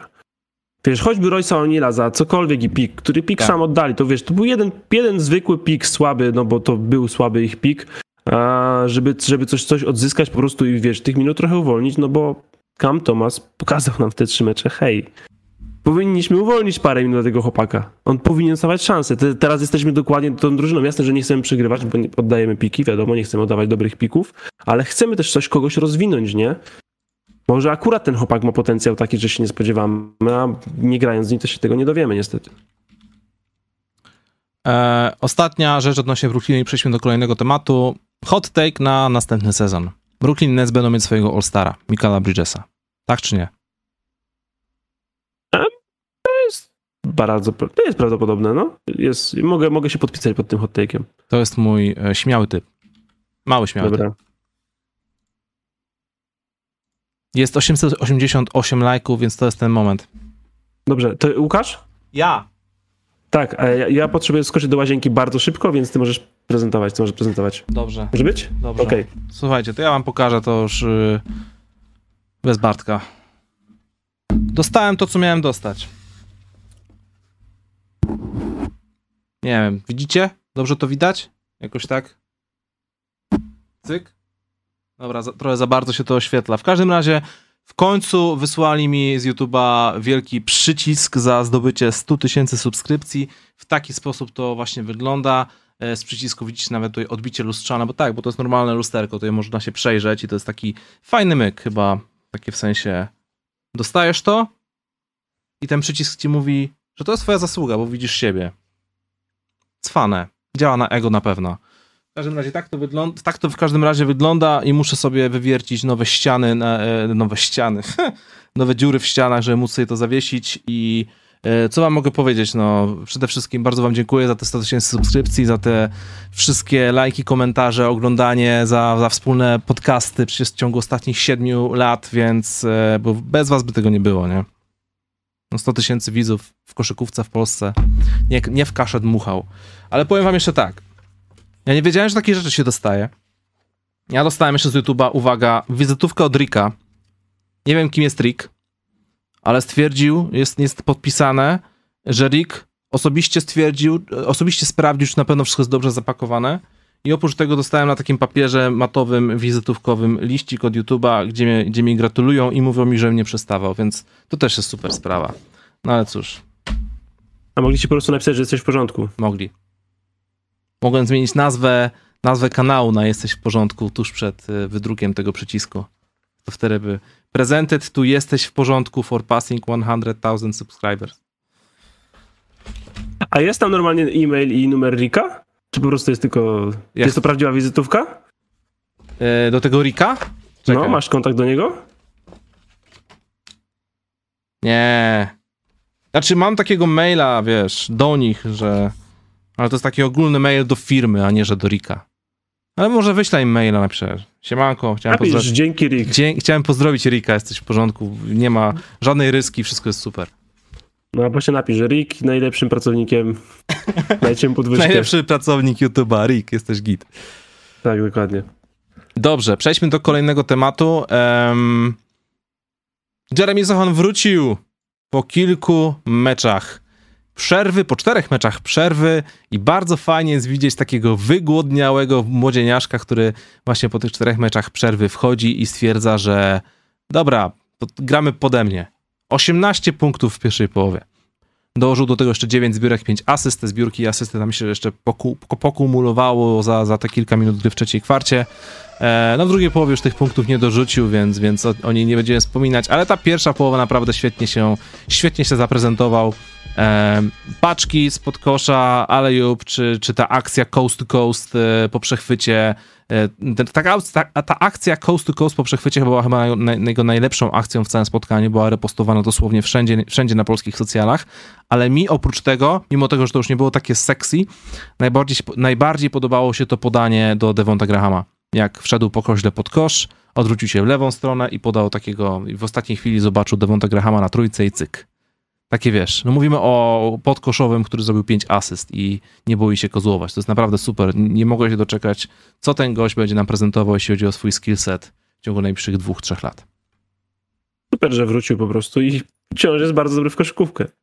Eee, tak naprawdę, jeśli ktoś by mnie teraz zapytał, jaki jest sufit Jeremiego Sohana, gdzie na początku sezonu może byśmy się pokłócili, może bym się pokusił jakiś, o jakiś typ, w tym momencie zawieszam te zakłady. Nie podejmuję się typowania, bo, bo wygląda na to, że możemy strasznie nie doszacować. A więc, więc, więc, więc super. I oby tak, oby tak dalej. Łukasz, NBA doceniła, Derek White dostał e, zawodnika tygodnia, więc to jest The Ultimate Chief Bohater. No i to jest to. To jest to, to mi się podoba. Zawsze uśmieszek, kiedy zawodnik San Antonio Spurs otrzymuje należny mu szacunek. Ale on już nie gra w San Antonio. Nieważne. Okej, Jak grasz w Spurs, to Okej. jesteś w Spurs do końca życia. okej. Co nie, Dobra. Stephen Jackson? On to na pewno bardzo mile wspomina. Okej, słuchaj, przejdźmy jeszcze na koniec, zanim wejdziemy do donate'ów. Ehm, wrzucam wam link do artykułów na ProBaskecie, ponieważ zrobili bardzo fajne podsumowanie wszystkich wymian. Jakbyście chcieli sobie przypomnieć, zobaczyć, jak to tam wszystko wygląda, kto gdzie gra aktualnie, to tam macie to podane. E, Ja tylko na sam koniec chciałbym tylko wspomnieć o wykupieniach, potencjalnych wolnych agentach na tu i teraz, żeby jeszcze były na playoffy oraz dwa słowa o tych debiutach e, w nowych strojach. I chyba wydaje mi się, że najlepszy debiut pomijając oczywiście Kyriego Irvinga czy Spencera Dinwiddie, Devonte Graham został uwolniony z okowów rozgrywających Charlotte Hornets i sypnął 31 punktów e, w stroju San Antonio Spurs. To jest fajne. Nie było to może super efektywne. San Antonio może tego meczu nie wygrali, ale hej, w kontekście San Antonio już w tym sezonie już się nie mówi odnośnie tego, czy się wygrywa, czy nie wygrywa, tylko odnośnie tego, czy ktoś się fajnie zaprezentował, a Devonte Graham to zrobił. To są jakieś plusiki, fajne występy, miłe historie. Josh Hart zagrał bardzo Joshowo-hartowo. 11... Czy Josh Hart jest, y, łapie się jako cichy bohater? Może być cichym bohaterem? 11 punktów, 7 zbiórek, 4 asysty, 4 przechwyty. Wiem, jeden mecz to trochę za mało, żeby go wpisać. Mm -hmm. Po prostu raczej tak właśnie dokładnie, jak teraz go wyróżniamy. Ale czy Josh Hart mógłby być cichym bohaterem? Mógłby być, tak. Okej, okay, to ja mi się wydaje, że to jest dobry typ na najbliższe tygodnie. E, Mike Conley niestety średni debiut przeciwko Grizzlies, no ale miał przeciwko sobie Jamoranta. Um, Sadik Bay. White też miał dzisiaj przeciwko siebie Jamoranta i jakoś dźwignął.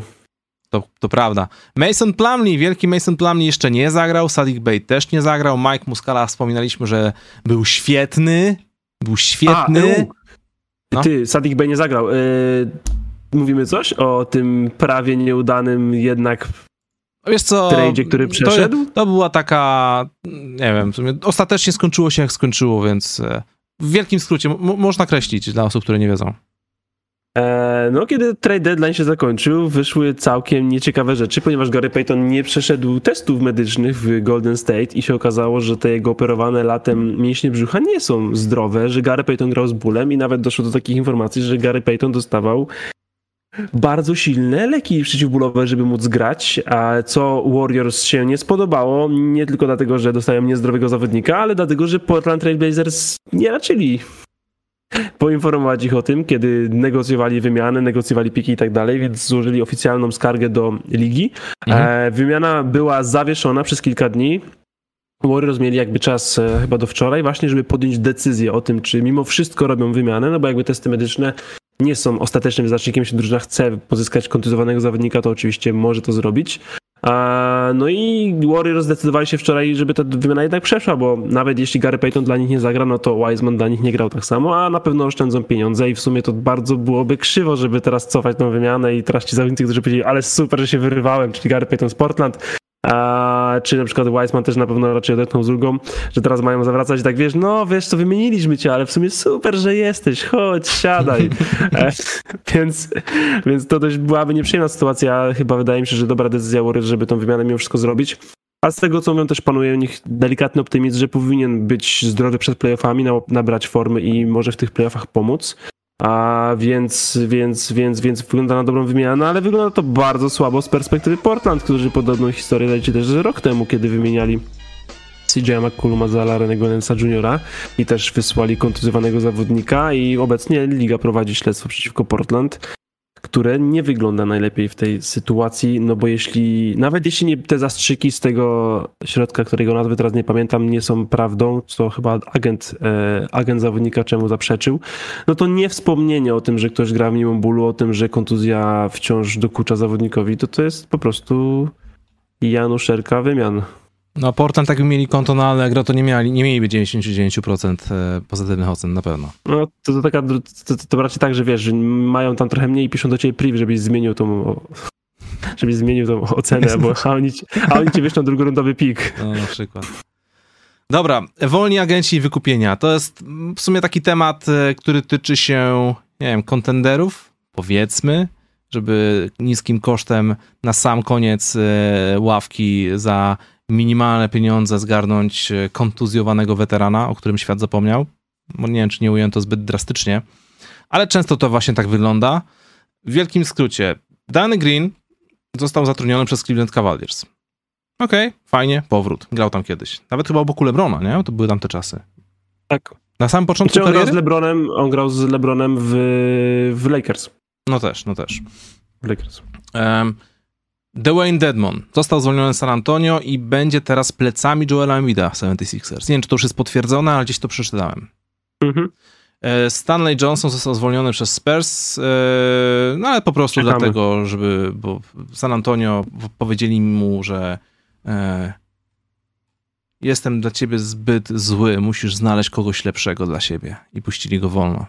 Romantyczne, nie? Szkoda, że, Lake, szkoda, że Lakers mają teraz tylu zawodników, bo on tak super w tamtym sezonie się za nich zaprezentował, ale teraz by nie grał, więc niech znajdzie sobie jakąś drużynę, która będzie, która będzie go używać po prostu. Patrick Beverly wykupiony z Magic, póki co nie wiadomo co dalej. Will Barton Tak najprawdopodobniej szykuje się wykupienie z Washington Wizards. No, E, ale wątpię, że ktoś był zainteresowany nim poważny, bo fatalny sezon Bartona, ale taki fatalny, ani free, ani, ani free, ani D. Reggie Jackson e, zostanie wykupiony przez Charlotte Hornets i łączy się go z Denver Nuggets.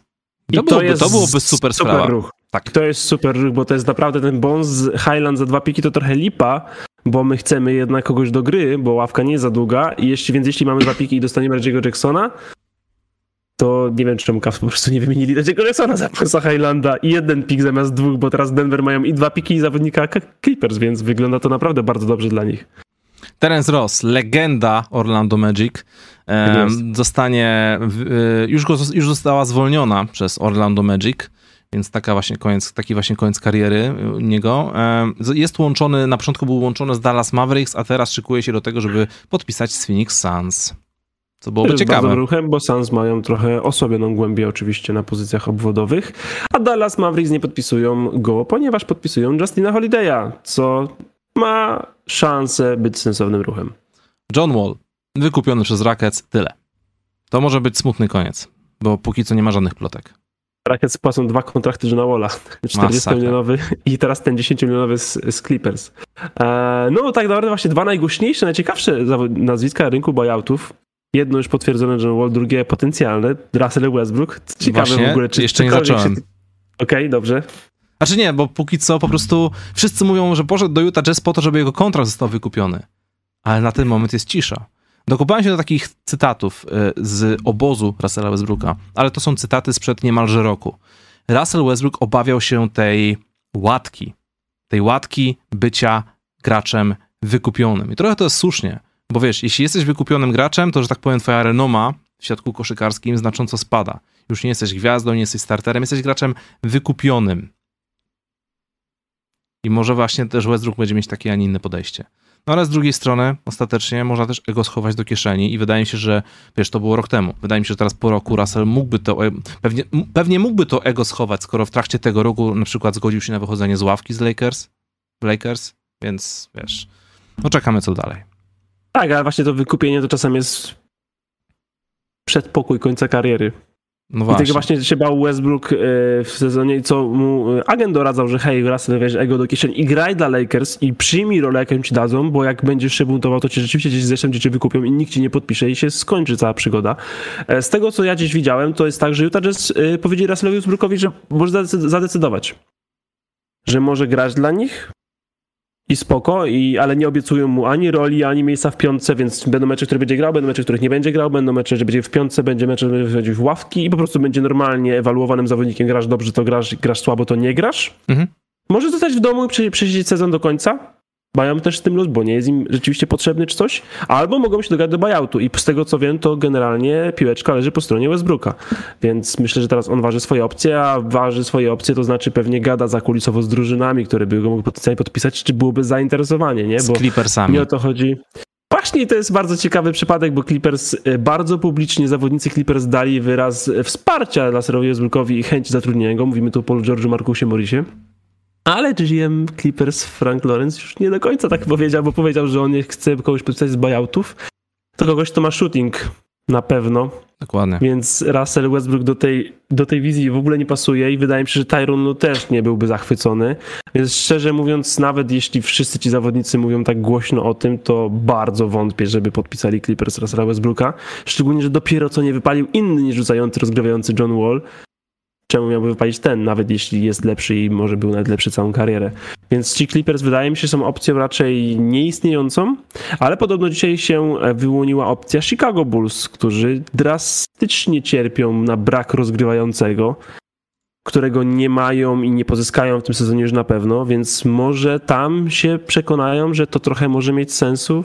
Nie Mhm. wiem, wydaje mi się, że jeśli ten buyout miałby dojść do skutku, to właśnie może taka, że to jest właśnie taka drużyna, która trochę gra o nic, w sensie nie ma takiej presji na wygrywanie, Bo wiesz, wzięłaby go rzeczywiście, nie wiem, Clippersi go wezmą, wiesz, zacznie grać, zrobią trzy, przegrają trzy mecze z rzędu, tylko posadzą do końca ławki i już z tej ławki nie stanie do końca sezonu. Bo oni muszą wygrywać, bo muszą walczyć o seeding, muszą walczyć, wiesz, o przewagę parkietu.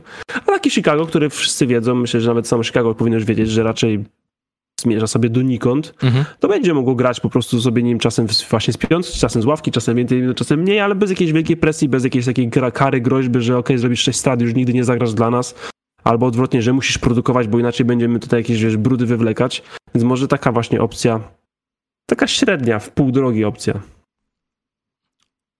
Wykupiono jeszcze Justina Jacksona z OKC oraz Screen Seta, Serge Ibaka z Indiana Pacers. Wykupiono. Oprócz tego jeszcze była sytuacja z wykupieniem kontraktu Bobana Marianowicza przez Houston Rockets, ale zrobili to tylko po to, żeby móc podziałać podczas okienka i teraz dają mu kolejny nowy kontrakt. Dzięki temu Boban chyba w ogóle zarobi milion dolarów więcej, jakiegoś tam bonusu. Nieźle, nie? No. Szczerze nie najgorzej.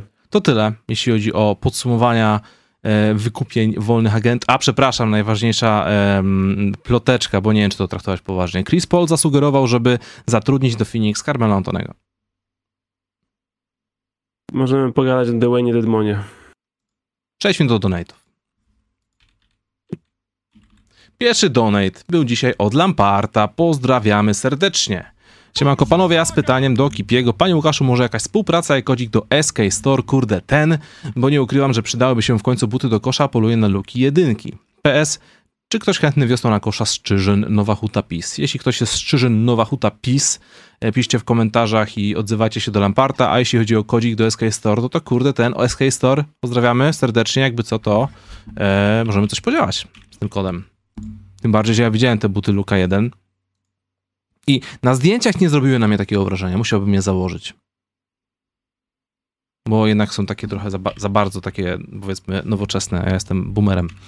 E, drugi komentarz jest od Jordan is the GOAT. Pozdrawiamy. Siema, trudne się dzisiaj wylosowało, ale liczę, że będziemy się wszyscy dobrze bawić. Tak jak zawsze.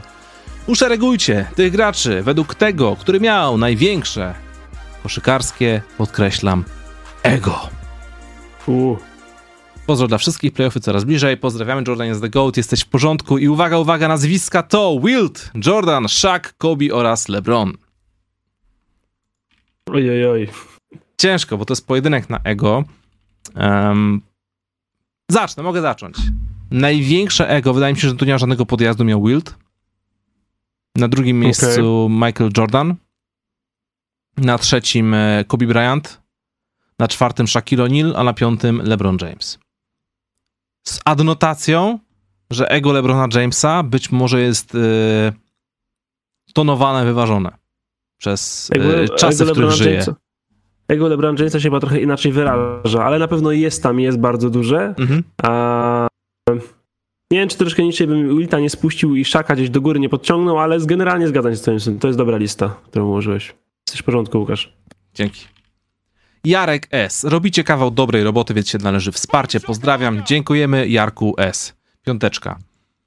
E, Bojar. Pozdrowienia dla Bojara. Kibicowałem Nets od momentu, kiedy zdecydowali się na ściągnięcie Kyrie'ego i KD, a później Hardena. Ale teraz już po wszystkim obiektywnie twierdzę, że to jeden z większych, jak nie, jak nie największy, nie wypał w historii NBA. Pozdrawiam najbardziej sympatyczne studio. Ścisła czołówka największy nie wypałów, to prawda. Powiem ci, że jak tak. te- teraz na gorąco to wszystko przeżywaliśmy, wiesz, relacjonowaliśmy co tydzień w studio, jakieś tam klipy powstawały w międzyczasie i to wszystko było takie, że to się działo na bieżąco i być może dopiero z perspektywy czasu dotrze do nas, jakie to wszystko było przesadzone, popieprzone, jakim cudem to nie wyszło. Nie, to od samego początku było bez sensu. To nie trzeba żadnej perspektywy. Ale- Budu budujesz przyszłość drużyny na charakterze, przywództwie i spójności umysłu Kyriego Irvinga i Kevina Duranta. To tak jak Clippers są teraz drużyną, która goni w ten sposób, bo Clippers zrobili to samo w 2019 roku. Clippers zbudowali przyszłość i tożsamość drużyny na przywództwie i kolanach Kawaja Leonarda i Paula George'a. Okej. Rzeczy, które historycznie nie były na najwyższym poziomie. Kolana Kawhi Leonarda, jego wokalne przywództwo, tak jak i spójność oraz powtarzalność Kyriego Irvinga. Więc to były drużyny, które raczej nie były takim, wiesz, o super, jak to jest pięknie dobrany duet. Już abstrahując w ogóle od jakby synchro na boisku, co też nie było jakieś fenomenalne, aczkolwiek wiemy, że talent zawsze sobie radzi. I kiedy talent był na boisku, zawsze sobie radził. Just Paweł, pozdrawiamy. Cześć społeczności, wspaniali prowadzący, jak zwykle dobra robota i taka myśl mnie przeszła po szaleństwie transferowym. Pierwszy raz będę kibicował Kyrie, ale nie koszykarsko, tylko żeby się nie odpalił i nie popsuł nic w Dallas. Co za ironia. Wirtualna piątka, bracie. Wszyscy chyba, tego, Zobaczymy. wszyscy chyba tego chcą, bo wszyscy doskonale wiedzą, że Kyrie Irving jest koszykarzem wspaniałym, fenomenalnym, mega przyjemnym w odbiorze, w oglądaniu i który mógłby wygrywać. Ale... O, ja nie wiem, czy wszyscy. Obawiam Ale- się, że tutaj niestety toksyczni fani Lakers oraz dziennikarze nie ułatwią tego lata. Kyrie będzie wolnym agentem. Czy Kyrie, Więc- czy e, będzie te kilka miesięcy teraz tylko sobie dogrywał i robił PR po to, żeby latem przejść do Phoenix? Bo już czytam o takich rzeczach, żeby znowu się połączyć z, K- z KD. Nie, do Lakers. Eee, Do ja, Phoenix. co, ja, ja myślę, że Kyrie nie, nie musi mieć takiej intencji. Chodzi mi, wydaje, ja, ja tu się bardziej boję środowiska, w sensie, że środowisko i narracje sprawiają, że to będzie dla niego trudne, że on nie O, ma takiego, o, jestem, oczywiście, ale to musi być, że wiesz, że a, że Kyrie jest taki tutaj jest przebiegły i w ogóle ja teraz mam w dupie to Dallas, ale będę się ładnie uśmiechał. Wydaje mi się, że Kyrie taką osobą kompletnie nie jest. Kyrie jest sobą. Jakim jest, taki jest, to się można już tutaj kłócić, ale jest po prostu sobą, więc on chce grać, chce, żeby było dobrze, chce polubić lukę, poznać drużynę i w ogóle. Eee, I będzie grał, ale jak z, przyjdzie lato i on wejdzie w wolną agenturę i nas zaleją po prostu artykuły oraz opinie oraz sposoby. Jak już widziałem artykuł, trzy różne sposoby, jak Kyrie może wylądować z Lakers, nawet jeśli oni nie zwolnią cap space'u. Wiesz, jakby już to się dzieje, już to jest wciskane na siłę, wiesz, on już jest wciskany do, do innych drużyn, e, a nawet, nawet nie ma w season. Wiesz, te, te inne drużyny też zrobiły ruchy i teraz chcą zobaczyć, jakie mają drużyny. To nie jest tak, że są, wiesz, że już, już wiemy, że Phoenix Suns czy Lakers nie wypalą i potrzebują Kyrie latem, nie? A już jest tam wpychany na siłę, więc wydaje mi się, że niestety to toksyczne media e, fani Lakers też toksyczni mogą tutaj bardzo utrudnić i po prostu mieszać w głowie Kyriemu, który raczej czyta, słucha trochę tego, co się tam dzieje. A nawet jeśli on nie ma y, w ogóle złych intencji, czego nie ma, nie ma, nie wiem, mam nadzieję, że nie ma, ale w sumie to może mieć, bo to Kyrie. Piotrek, fan Granta Williamsa. Wielki powrót, pozdrawiamy. Siema. Mam pytanko, kiedy poznamy wasz top ten all time? Czy, Le- czy wynik LeBrona Jamesa coś zmienia w tej kwestii? E, nie, cały czas top 2, prawda? I tytułów brakuje, a nie punktów. Po, i, e, pozdrawiam. Grant Williams, kocham cię i życzę tobie owocnych walentynek. Jesteście w porządku. To jest, pra- to, jest, to jest niesamowite mieć takie oddanie do, do zawodnika, do Granta Williamsa. Czekam na, nie wiem, Marka Fana, Majka Muscali na przykład. To jest właśnie, Na pewno gdzieś tam e, taki jest człowiek w Polsce. To, to jest taki, wiesz, powinien być taki defaultowy nick. E, o, widz, e, widz profesjonalnego studia NBA, fan cichego bohatera NBA. Na Po przykład. prostu wstaw imię, wstaw imię. Czekam na donatera od ksywce Camsanity. E, Dami Bodys, pozdrawiamy. Hej, ułóżcie, ułóż, e, ułóżcie starting five all time swoich ulubionych franczyz w NBA. Pozdrawiam posiadaczy tej samej i najlepszej linii włosów. Nie, bo ja mam za trudne. E, San Antonio Spurs, Golden State Warriors, to jest na pewno pierwsze dwie, Układaj A- San Antonio, no. a dalej to już jest, e, dalej to już muszę się zastanowić. Ale nie mamy ułożyć, mamy ułożyć starting five, No, no, no nie dotarłem, okej, okej, okej, starting five all time swoich ulubionych franczyz w NBA. E, all time. David Robinson, Tim Duncan, e, Kawhi Leonard, George Gervin i co, Tony Parker pewnie, nie? chyba Tony Parker. Bruce Bowen opluty. Dennis Rodman opluty. Manu Ginobili opluty. Nano Ginobili jest, wiesz, moim y, szóstym graczem, to było oczywiste. Ultimate Six-Manem. A w Golden State stareka jest ekipa. Popatrz, masz. A ja, ja mam Lakers ułożyć, więc daj mi spokój. No to to prawda. Czekaj, w, długo... W Golden State jest Stephen Curry, Wilt Chamberlain, Nate Turmont, No, a Kevinek? Kevin Durant, no wiadomo. Kevin Durant. No właśnie, no właśnie. D'Angelo Russell? Rick Barry. Rick Barry, właśnie, Rick Barry. Z tym D'Angelo to oczywiście żarty, nie? Żeby nie było. No ale w Lakersach się nie da zrobić starting five. Landro Barboza się nie łapie? Warriors na jedynce? Stary Dobra. Baron Davis się nie łapie, Jason Richardson się nie łapie. Wiesz, Stary, to jest za mocne Will się nie wszystko. łapie u mnie. no u ciebie tak, to prawda. Will się nie łapie, no niestety. Czyli co? Eee, Magic, West, Kobe, eee, Shaq i Karim? I nie No. łapie się LeBron? Nie łapie się Wilt? Tak. Eee, nie łapie się Elgin Baylor? Fajnie, fajnie, fajnie, fajnie, no. Ja bym powie, poszedł nawet krok dalej i dał El- Elgina Baylora za, za Lebrona, tylko że wiesz, to mistrzostwo, nie? To mistrzostwo, które Ale obaj się nie zrobił. łapią. Obaj się nie łapią. Aha, bo ty powiedziałeś... Magic, West, Kobe. No tak, tak, tak, tak. Magic West Kobe. Za trudne. Za trudne, Za no. trudne w Lakers. Drugi skład Lakers. E, Baylor, LeBron, e, Wilt, James Worthy. Chyba nie mam rozgrywającego, ale nie mam, mogę też... I teraz co, Derek Fisher czy Pau Gasol? Nie wiem, żartuję, jeszcze mam z 10 zastrzeżonych. Marcelo koszulek. Huertas! Marcelo Huertas się nie łapie. Rudy się nie dostał. Dobra, lecimy dalej. Rexet, pozdrawiamy. Siema. Czy według was Lakers z aktualnym zespołem są w stanie awansować do play-off, omijając play-in? Fajny mecz zagrali z Golden State, patrząc na to, że nie trenowali razem przed meczem. To jest trudne pytanie, w szczególności teraz, jak jest taki naprawdę dziki zachód. Są, ale łatwo nie będzie. Mhm. Trzeba trzy razy wygrać z Golden State Warriors, trzeba wygrać z Portland. Są cztery mecze do szóstego miejsca, ale w szóstce są Clippers, Suns, Mavericks i Kings, czyli drużyny w niezłej formie. Bo tak, niżej są Pelicans, którzy są bez formy, Timberwolves, którzy są nie wiadomo czym, Warriors są rozbici, Thunder są zwyżkujący, ale powiedzmy to są drużyny do uknięcia. Ale nawet jeśli wyprzedzisz wszystkie, to jesteś siódmy. Mhm. A żeby być na szóstym, musisz wyprzedzić Clippers, Suns albo Mavericks.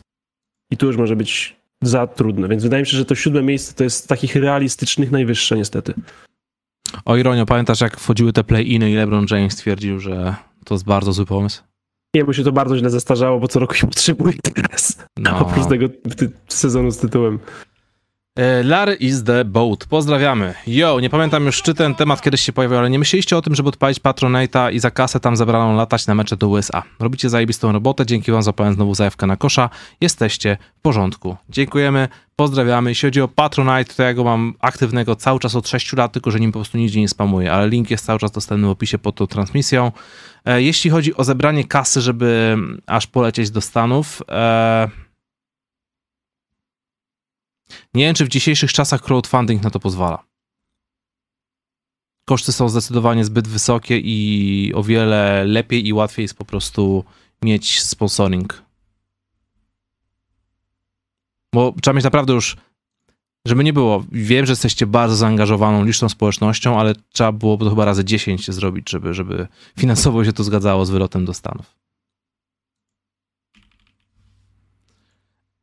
MJ23, pozdrawiamy. Hej, pytanie do Bartka. Czy nie czasem nie, czy nie czasem nie smaku po rekordowym meczu Lebrona z powodu jednak porażki? Zdecydowałem zdanie. Myślę, że o wejściu do LA do playoffów może zadecydować nawet ten jeden mecz. Poza tym to pozdro uczciwe łysole. No, tak jak mówiliśmy dzisiaj, tych meczów głupio przegranych z bezpośrednimi rywalami było ostatnio sporo i ja nie wiem właśnie, czy nie za dużo, bo trade deadline był bardzo dobry, ale był bardzo późno. Więc trzeba teraz, a właśnie się dowiedzieliśmy, że LeBron nie zagra w Portland, Oj, oj. Więc. Więc. Więc no. To jest niestety właśnie to są te mecze, które teraz trzeba wygrywać. Bo naprawdę już muszą je wygrywać, bo są wciąż na 13 miejscu. 13 miejsce się jeszcze nie łapie do play Jak coś, a może Adam Silver to zmieni. Twister. Pozdrowienia dla Twistera. Poniedziałkowe pozdrowionka dla was. Jak zawsze świetna robota. Czy dany Green, który w końcu znalazł się w Cleveland, byłby wzmocnieniem dla Suns? Czy po tym niedoszłym dealu jest jeszcze ktoś, kto się wykupi i dołączy do Phoenix? E, no wcześniej wspomnieliśmy o Terencie Rosie i o potencjalnym Carmelo Antony, ale to są tylko słowa Chrisa Pola. E, czy dany Green byłby wzmocnieniem dla Suns? Szczerze mówiąc, najważniejsze pytanie. Dany Green cały czas po tym zerwaniu ACL-a próbuje być w ogóle zawodnikiem NBA. W tym sezonie ile zagrał meczów dla Memphis? Trzy? No właśnie, więc, więc ja nie wiem, czy to się rozpatruje w kategorii wzmocnienia, czy to jest raczej takie what if. Zobaczmy, może akurat, może akurat da radę wyjść na boisko. Po prostu rzuciłeś kostką No. i nie wiadomo, co wypadnie. Adamu z Łomży nam wysłał 69 zeta. Dzięki panowie za dobrą robotę. Dzięki wielkie Adamu z Łomży. Jesteś spoko. Pozdrawiamy. Fan Golden State. Kurde, ciężko będzie z playoffami w tym roku. Jeszcze Kerry ma kontuzję. Chciałbym, aby Golden State spotkali się z Suns w playoffach. Pokazali Durantowi, że mógł nie odchodzić z Warriors. W pełni zdrowia. Warriors. Daliby radę obecnemu Suns? Uuu, za wcześnie chyba na takie y, papierowe pojedynki meczapów. Coś mi się wydaje. Pewnie zdrowia Golden State Warriors są obecnym mistrzem NBA. Wydaje mi się, że całkiem nie są drużyną. W bardzo podobnym składzie. W końcu Gary Payton już wrócił. Więc, więc wydaje mi się, że tak, że zdrowi Warriors to biją każdą drużynę. Co wolałbyś zobaczyć bardziej? Dallas Suns czy Golden State Suns? Chciałem zobaczyć Dallas Suns w drugiej rundzie. Czyli jednak Kyrie i Kevinek. Tak. Golden State w finale konferencji. A później jak się dzieje No. wola nieba. Czyli po prostu jest na łatwiznę poszedłeś, chcesz zobaczyć wszystkie meczapy fajne. Oczywiście. Dobra. Czy mam dalej lecieć z kolejnym donatem, czy dokonujesz teraz jakieś analizy, bo nie wiem. Wykonuję analizy, ale Dobra. Jezu, to Sac- Sacramento tak nie pasuje. Tak się nie ekscytuje jakimkolwiek pojedynkiem kogokolwiek z Sacramento. A tak inne pary fajnie byłoby łączyć. Ajajaj. To lecimy dalej. Tak jest. Antoine from day one. Pozdrawiamy. Czy to nie jest tak, że Minnesota nie dostali tak naprawdę szansy? Gobert po Eurobaskecie naprawdę wyglądał na zmęczonego. Karl Antony Towns nie miał obozu przygotowawczego, bo jak sam mówi, był tak chory, że ledwo uszedł z życiem. Są w grze. Lakers, Pelicans czy Phoenix bez liderów są dramatem. No, Timberwolves jest drużyna, która się nie wydarzyła jeszcze w ogóle, nie, bo Karl ten Towns jest kontuzjowany cały czas. Ciężko w ogóle coś powiedzieć o nich innego niż to, że Anton Edwards pokazuje, że ma w sobie lidera. Ale to jest wszystko na razie mało. Bez Karla Antonego Townsa to nie jest drużyna, którą oni sobie budowali. Zadajmy właściwe pytania. Czy Patrick Beverly zostanie zatrudniony teraz przez Minnesotę i dlaczego nikt się po niego nie zgłosił jeszcze z Minnesoty? Czy to się łączy? Ja myślę, że nie wróci chyba do Minnesoty. Ale ktoś się po niego wychyli. Ja myślę, że Patryka Beverleya jeszcze opiącego technika zobaczymy. Dobrze. Michak, pozdrawiamy. Siema panowie, dzięki za dobrą robotę. Jesteście solidni, oglądam was od dwóch lat. Dzięki za umilanie każdego poniedziałku. Dziękuję bardzo. Powiedzcie coś więcej o Memphis, Milwaukee oraz Janisie na następnych studiach. Postaramy się. Teraz akurat się... Memphis są trochę męczące akurat, ale Milwaukee, Milwaukee 10 mają, Milwaukee mają teraz formę straszną. Janis tam miał serię na średnie punktów na 39, coś koło tego. No kosmos jakiś. 10, 10 z rzędu, więc ja myślę, że Milwaukee ustawia się w pozycji do bycia w przyszłym tygodniu. Jednym z headline'ów. Burmistrz humoru. Pozdrawiam serdecznie kolegę, który e, wykupił kalendarz z Wielkiej Orkiestry Świątecznej Pomocy. Cytuję. 34 lata, 20 kg nadwagi, 5 artroskopii. Czemu takie draft campy pomijają takich jak ja? Może i nie jestem za dobry i szybki, ale za to beznadziejnie rzucam. Aż 5 artroskopii? Ale to było łączone razem z jakimś ACL-em, jakimiś takimi naprawami, czy sama artroskopia? No w każdym razie nie brzmi to dobrze. Em, ale mamy ze sobą coś wspólnego. I wiekowo, i artroskopicznie. Nadwagą Kurde, ja- może nie aż tak. Ja nie mam nadwagi, mam zdrowe kolana, ale ja wiem, że ja, ja się będę fatalnie staczał koszykarsko, bez rzutu, niestety. Bo jak masz 20 kg nadwagi, ale umiesz rzucać, zawsze grasz, nie? Są zawsze te, takie dziadki, że chodzą na ten Oregon, 40 lat, stoją za 3 i walą, wiesz, 6 z rzędu nie da się z nimi grać, nie? Ja ci powiem coś. Ja ci coś powiem. Nie musisz być rzucającym podkoszowym. Wystarczy, że będziesz mądrym podającym podkoszowym. Masz w Krakowie takiego jednego seniora basketu, który e, robi triple-double w ligach. Się. Pozdrawiamy Dawida. Dobra, lecimy z kolejnym To- donatem. Tomasz Rzeźniczek mówi, że dogadaliby się, bo jest typowy catch and turnover. Tak jest. E, Spriroy, pozdrawiamy. Cześć, obejrzałem debiut Josha Harta w barwach Knicks. Już wiem, dlaczego Hart zawsze cieplutko w serduszku MVP. Świetny występ i gra w crunch. Ciekawostka? Włodarze New York Knicks postawili na ziomka Bransona. Hart nad ziomka Barreta Reddish. Uuu. To jest historia, na którą nie zwróciliśmy uwagę, faktycznie. Ale Reddish to jest... e, Pół, nie Reddish, przepraszam, Barrett, po prostu przestań rzucać tyle. To on jakieś seminaria z Dylanem Brooksem chodzili razem, naprawdę. Eee, tak, o fajnie Knicks, może mamy teraz coś wspólnego, będziemy razem wspólnie kochać Josha Harta. i będzie miło i ciepło. Włączyłem gify. Niech będą. Josh Hart, top zadaniowców. Muszę zmienić- Nowy Jork. Muszę zmienić Randla i O'Quina na Josha Harta i Bransona. Nie wolno ci O'Quina zmienić. Randla możesz zmienić, a O'Quina musisz zostawić. Dobra. Musi tu być. To jest jak, jakbyś, tak, jakbyś, to jakbyś obiecał, że nigdy nie wspomnisz Marcelo Huertasa już. Dobra. Nie wolno. Dobra. E, Josh Hart, topka zadaniowców, ale z drugiej strony zawsze jakoś go wymieniają, cholera. Nie wiem, mam nadzieję, że to jest po prostu trochę pecha jego, a nie, że jednak czegoś mu brakuje, bo dla mnie to ja nie rozumiem, czemu ten zawodnik nie gra cały czas. To jest taki gość, moim zdaniem, że trener po prostu go nigdy nie chce zdjąć, ale czasem musi. Więc myślę, że e, Thibodeau będzie zachwycony, będąc mógł zajechać go do kruplówki pewnie praktycznie, ale nie gra. E, Michak jeszcze jeden donate wysłał. Wysyłam jeszcze raz donate'a, bo zapomniałem was pozdrowić. Jesteście solidni oraz najbardziej profesjonalni. Pozdrawiam Michał z Warszawy. Pozdrawiam cię Michał z Warszawy. I dzięki za dobre słowa. Pozdrawiamy.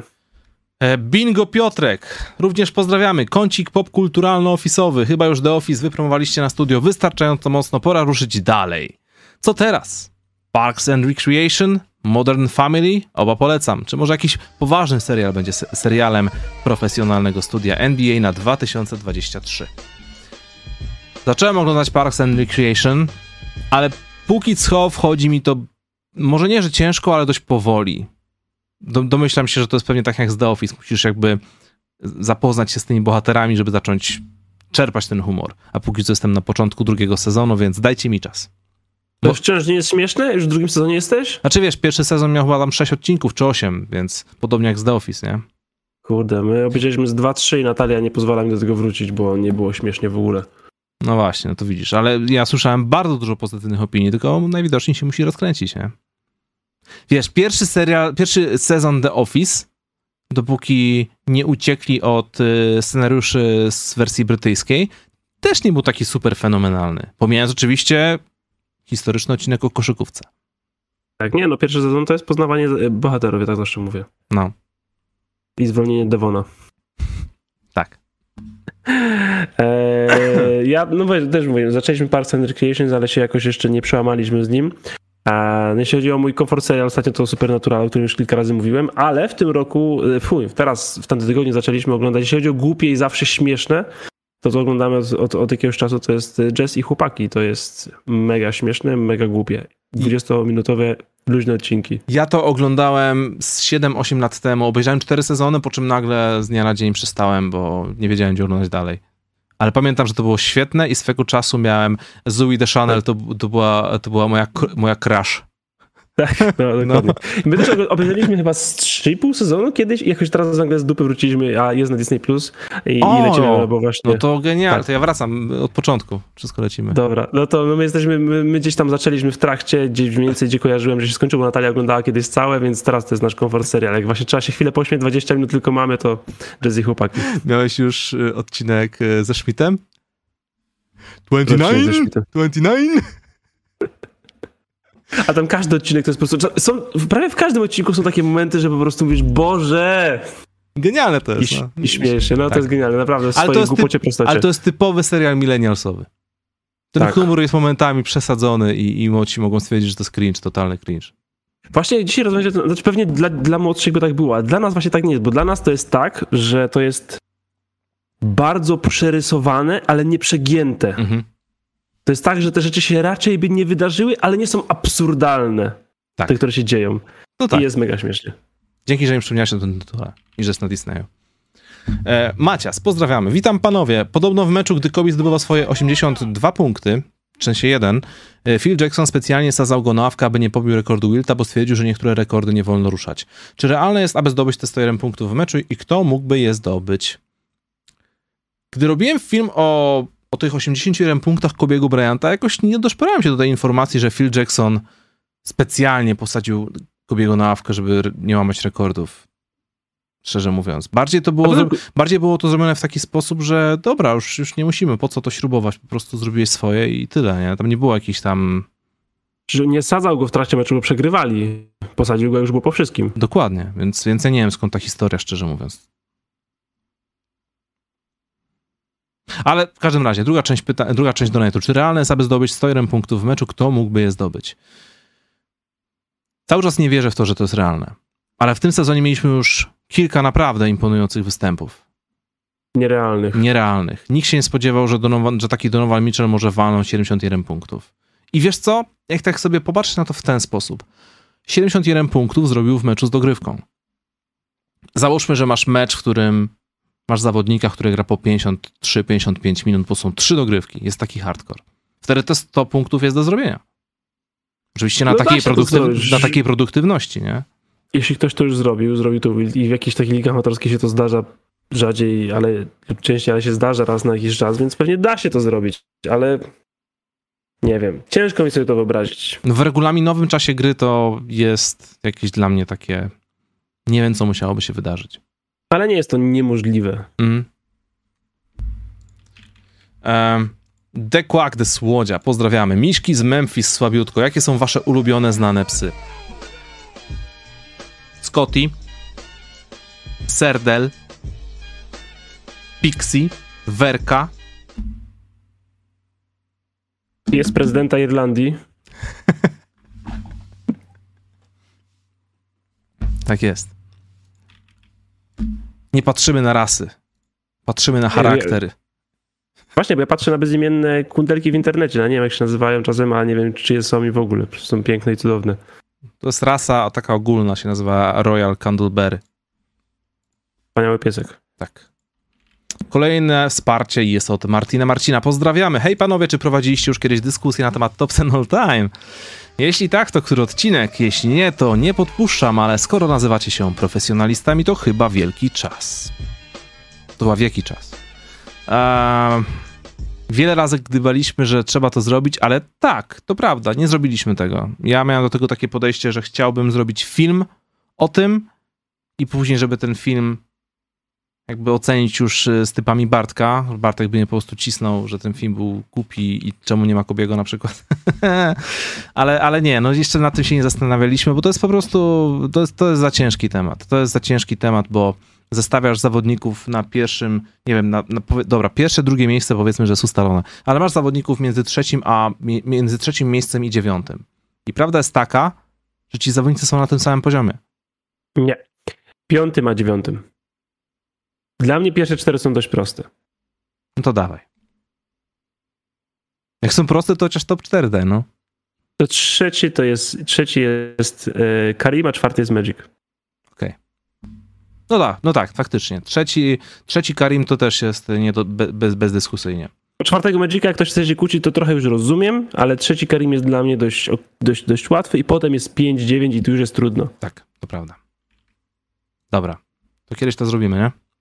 No, na pewno, ale to bardziej, w sensie teraz jak jest sezon, to nie ma sensu tego robić, bo No. jest co robić, jakby, nie? Dokładnie. Przyjdzie pandemia nowa, to wiecie, spokojnie, wtedy siądziemy, pomyślimy.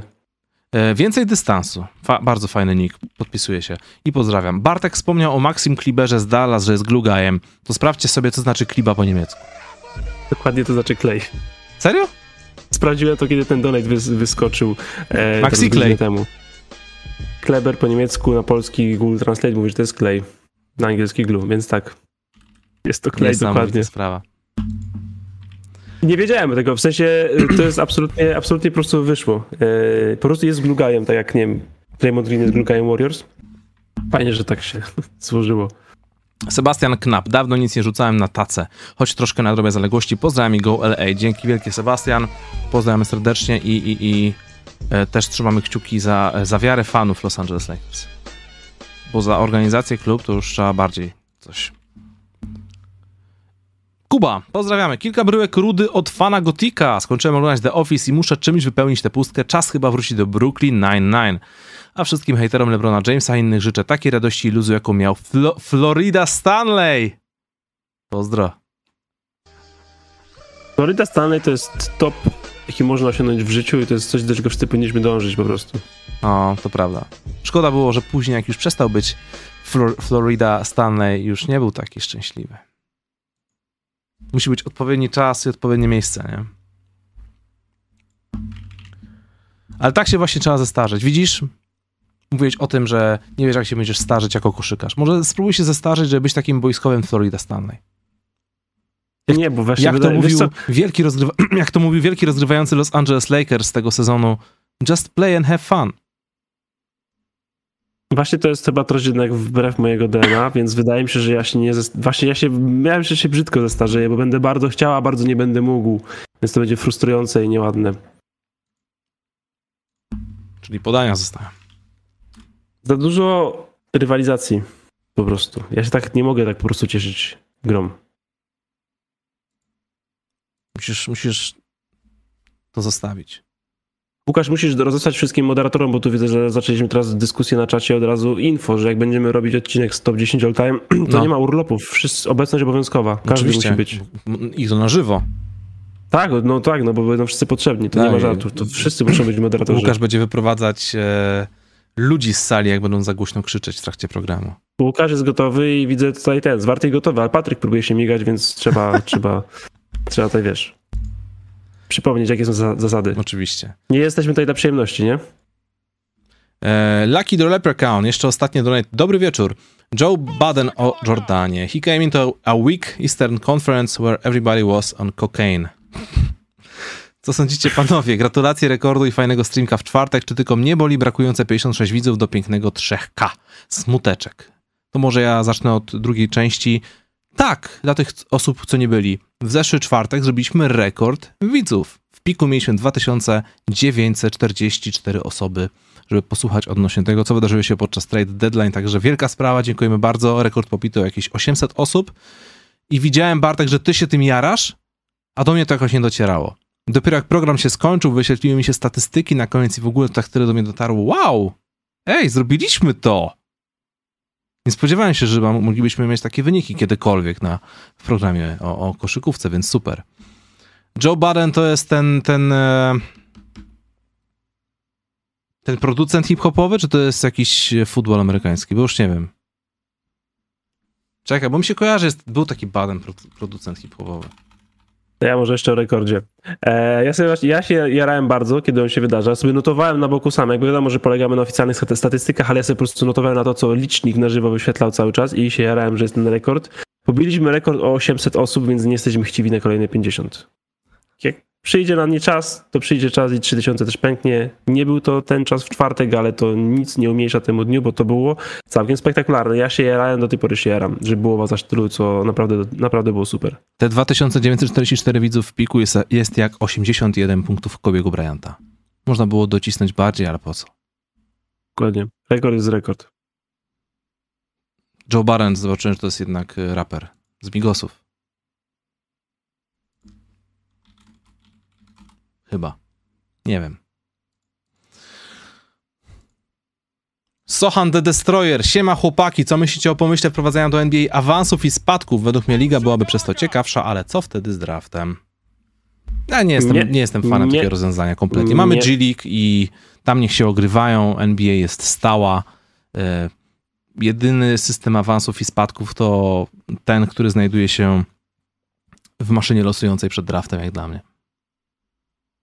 Sportowo to wygląda cute, ale finansowo to jest rozwałka dla drużyn spadających, więc nie. Widzimy to w lidze angielskiej w piłkę nożną, jak strasznie kluby mają problemy po tym, kiedy spadają i jak te kluby, które awansują, nagle wchodzą do nieba i jest tak duża przepaść finansowa, że nie. Jeśli finanse mają się spa- spajać ligi i wszystkie drużyny mają zarabiać, a taki jest cel komisarza, Mhm.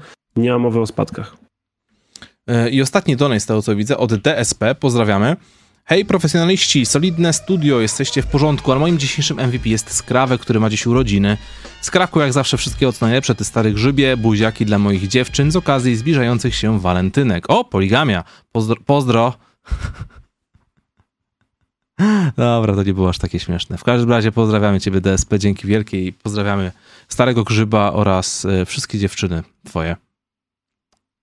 Bartek, jakie, jakie plany na walentynki? E, No, na razie to walentynki są chyba odłożone na czwartek, ponieważ są rzeczy do zrobienia we wtorek i w środę. Pracodawca nie akceptuje miłości? Co? Nie, no, so, jest, jest pewien harmonogram tygodnia i jeśli są ruchome święta, które wypadają, no jakby na przykład wypadł w poniedziałek święto, no to nie ma w poniedziałek obchodzonego święta, się obchodzi, kiedy będzie wolny dzień. Wolny dzień wypada w czwartek. Tak. Jest- Ale mam pewne plany, tylko że są niespodzianką, a Natalia jest za ścianą, więc niestety się nie dowiesz. Okej, spoko. Niech nas teraz słucha, to się nie spodziewa tego, prawda? Yy, nie, no, wie, że będzie coś. Okej, to super. A wy jak tam? E, będzie super dzień walentynkowy. Jak to Okej. walentyki. The Last of Us. Tak, Łukasz, tak, co sądzisz o pierwszych pięciu odcinkach? Jako osoba, która nigdy nie grała w grę, ale po prostu zaczęła to oglądać na hype dlatego, że przede wszystkim jestem przeogromnym fanem klimatów post-apo. Od zawsze. Czy to były gry, czy filmy, seriale, książki, post-apo po prostu mam schizę na tym punkcie. Pisałem pracę, yy, pracę maturalną o, o apokalipsie, więc tak to właśnie wyglądało u mnie. Em, od samego początku byłem zachwycony, ale w pewnym momencie zacząłem nie leżeć, tylko siedzieć podczas oglądania. Tak siedzieć, tak wiesz, tak czerpać całym sobą to, co się dzieje. I każdy odcinek był zupełnie inny i w każdym odcinku był jakiś taki moment, gdzie czułem, że, że emocje wygrywają. Rzadko mi się zdarza siedzieć przed telewizorem i, nie wiem, powiedzieć sam coś do siebie, nie? To się po prostu nie dzieje. Więc, e, więc tak, no to póki co tylko pięć odcinków, ale każdy z nich dał coś, coś, coś naprawdę wyjątkowego. Kawał świetnej rozrywki, kawał świetnej rozrywki, takiej nienudzącej się, fajnie, fajnie sprzedanej. Em, nie dziwię się, że ten serial wzbudza takie, a nie inne emocje, bo to już nie chodzi tylko i wyłącznie o to, że zekranizowali e, fenomenalną, kultową, legendarną grę, tylko zrobili to w tak wybitny sposób, że każdy chce zobaczyć, o co, o co jest, o co, o co halo. Szapobada twórców. Te, ja, dopiero pięć odcinków ja nie grałem w grę, ale uważam, że to jest, to jest bardzo duży potencjał na jeden z lepszych serialów ever, jaki widzieliśmy. Tak. A mam w pracy kolegę, który grał, znaczy jest wielkim fanem gier, wielkim fanem, znaczy przeszedł po kilka razy obie i on sobie teraz, i przechodzi teraz sobie po raz kolejny grę równo z serialem, w sensie do, ogląda serial i sobie pyka w gierkę, żeby do tego momentu dojść, tam, no no dobra, trochę z wyprzedzeniem, żeby jakby mieć trochę już w, w grze zobaczone to, co będzie zaraz w odcinku. I on mówi, że jest jeszcze lepiej, że on ogląda i cieszy się tym wszystkim, co my się cieszymy, ale też na przykład widzi, o, to było w grze, dokładnie tak było w grze, dokładnie tak było w grze, to też było, dokładnie tak samo, super. Więc jeśli oni mają, ludzie, którzy grali, mają jeszcze więcej radości z tego i zajawki niż my, to jest naprawdę szapoba. Ja zacząłem grać The Last of Us i stwierdziłem, że robię taki myk, że oglądam serial, odpalam grę i staram się wyczaić ten moment, żeby do, przejść grę do momentu, w którym zakończył się ten ostatni, najnowszy odcinek. W taki sposób, że gra nie spoileruje mi serialu. Wiem, że to nie powinno tak wyglądać, ale stwierdziłem, że jednak serial troszkę, troszkę wyżej oceniam. Nie mam, tego, nie mam tego sentymentu, nie grałem w The Last of Us w 2013 czy 2014 roku, więc tak sobie pykam i powiem ci, że e, jedna rzecz, takie to jest, to jest prost- prosta obserwacja, wszyscy o tym w zasadzie mówią. Serial pędzi do przodu jak szalony, jeśli chodzi o, o fabułę i, i w grze o wiele więcej wątków postaci jest przedstawiona tak o wiele bardziej bogato, co też jest w sumie tak fajne, jeśli oglądasz serial, później grasz ten sam fragment w grze i nagle się okazuje, że w sumie to nie był jakiś tam bonusowy charakter, tylko ta osoba była długo w tej grze i była istotna i zrobiła jeszcze to i to i tamto. Więc, więc fajnie. Ja nie przepadam za grami, w których muszę się bać, więc nie grałem i nie wiem, czy kiedykolwiek zagram, ale absolutnie tego nie potrzebuję. Bawię się serialem znakomicie. To prawda. Jeszcze coś o serialu? Nie, bo nie możemy spoilerować. To ja powiem ci jeszcze w ramach naszego kącika popkulturowego e, o moim kryzysie do rapu, do muzyki hip- hip-hopowej, która trwa już od, od lat. Od lat. Może od dwóch lat. Czyli od lat. Nieważne. W każdym razie, byłem ostatnio zaproszony do Radio Wrocław do Bartosza Tomczaka, legendy polskiej, polskiej sceny podcastowej, jeśli chodzi o koszykówkę, e, prowadzący założyciel Przerwy na Żądanie. E, I miałem okazję z Bartkiem pogadać, tak po prostu o tam o mojej działalności na YouTubie i w ogóle, ale oprócz tego, że miałem okazję z nim pogadać i to wszystko sobie znajdziecie pewnie w linku u mnie na Facebooku, to publikowałem, wszedłem sobie na archiwa Bartka Tomczaka, jeśli chodzi o jego publikacje, jego, jego, jego audycje, bo na całe szczęście te audycje są zapisane bezpośrednio w Radiu Wrocław i sobie sprawdziłem ostatnie sześć, jak nie siedem e, audycji Rymy i Bity. I powiem ci, że kurczę, tam są takie hip-hopowe perełki. Wiesz, ja i Bartek mamy podobne, um, my jesteśmy po, z podobnego rocznika, mamy najwidoczniej podobne gusta muzyczne, wychowywaliśmy się na podobnych rzeczach, wiesz, w połowie lat tych 2000, jeśli chodzi o muzykę hip-hopową. Jaką wyciąga, wiesz, robi audycję poświęconą tylko i wyłącznie produkcjom Night Wondera, to ja odlatuję. I wiesz, cały przekrój z twórczości, zarówno tych mniej, mniej znanych artystów, Little Brother czy coś, do Jaya Z, do, do, do kogoś tam jeszcze innego, więc, więc naprawdę każdy, ka, każda audycja jest zrobiona według jakiegoś tam pomysłu, według jakiegoś tam producenta, e, rapera, czegokolwiek i, i naprawdę można wyczaić e, świetne numery, a później to już nic, tylko wchodzić na Spotify, wkliki, wklikiwać się w te numery, dodawać do swojej ulubionej playlisty i Spotify już przestaje ci polecać to, co wszystkim, tylko już podaje ci to, co masz spersonalizowane. Więc... Ja słucham co tydzień remów bitów, więc, e, więc, więc wiem. To czemu mi nie mówisz, a... że to jest takie dobre? Nie, wspominaliśmy kiedyś o tym z Rush 2. Jestem prawie pewny, że wspominaliśmy. Ja słucham co tydzień, no. E, z, z odtworzenia oczywiście, z, z, właśnie na stronie, ale słucham co tydzień. I też miałem tą rozmowę kiedyś z Bartkiem, chyba kiedyś gadaliśmy, chyba maile wymienialiśmy, albo na Twitterze, już nie pamiętam, że właśnie też o tym, że też ma, te same rzeczy nam się bardzo nie podobają w hip-hopie i te, nam się, te same rzeczy nam się bardzo podobają w hip-hopie. Bartek oczywiście naturalnie zna się dużo, dużo, dużo, dużo, dużo, dużo, dużo lepiej ode mnie. Mhm i ma dużo większą wiedzę i, i, i ogarnie i tak dalej. I jakby jego zakres lubienia jest szerszy niż mój. Więc dla mnie to jest po prostu perfekcyjny filtr, e, filtr, e, Jezus Maria, filtr oczywiście, te audycja Rymy i Bity, bo jak sobie słucham tam, jak Bartek coś mówi, że tam jest git, to jest szansa, że mi się to spodoba. Jak mówi, że coś bardzo dobre, to to jest pewniak, że mi się to spodoba. Ale jak Bartek mówi, że się coś nie podoba, albo czegoś nie warto słuchać, to ja wiem, że tak, tego zdecydowanie nie warto słuchać, nie słucham tego i moje życie jest szczęśliwsze od tego momentu. Więc jeśli on coś odradza, to ja w ogóle się do tego nie zbliżam. Jeśli coś mówi, że warto czemuś dać szansę, to wtedy daję tą szansę. E, I raczej się udaje, chociaż czasem oczywiście nie, ale jeśli Bartek mówi, że coś jest bardzo dobre, to wtedy ja też prawie zawsze uznaję, że to coś jest bardzo dobre. Więc super. Jeśli chodzi o na przykład dodawanie, też robię sobie taką na, na Spotify listę, playlistę hip-hopową taką swoją. A więc jeśli poza tymi rzeczami, które mi się przypomną albo są stare i dodaję, to jedyne co dodaję nowe to jest z i bitów też, więc bardzo polecam. A jeśli ktoś ma naprawdę zajawkę, a nie jest ekspertem, czyli na przykład jak ja, to Bartek Tomczak jest waszym człowiekiem.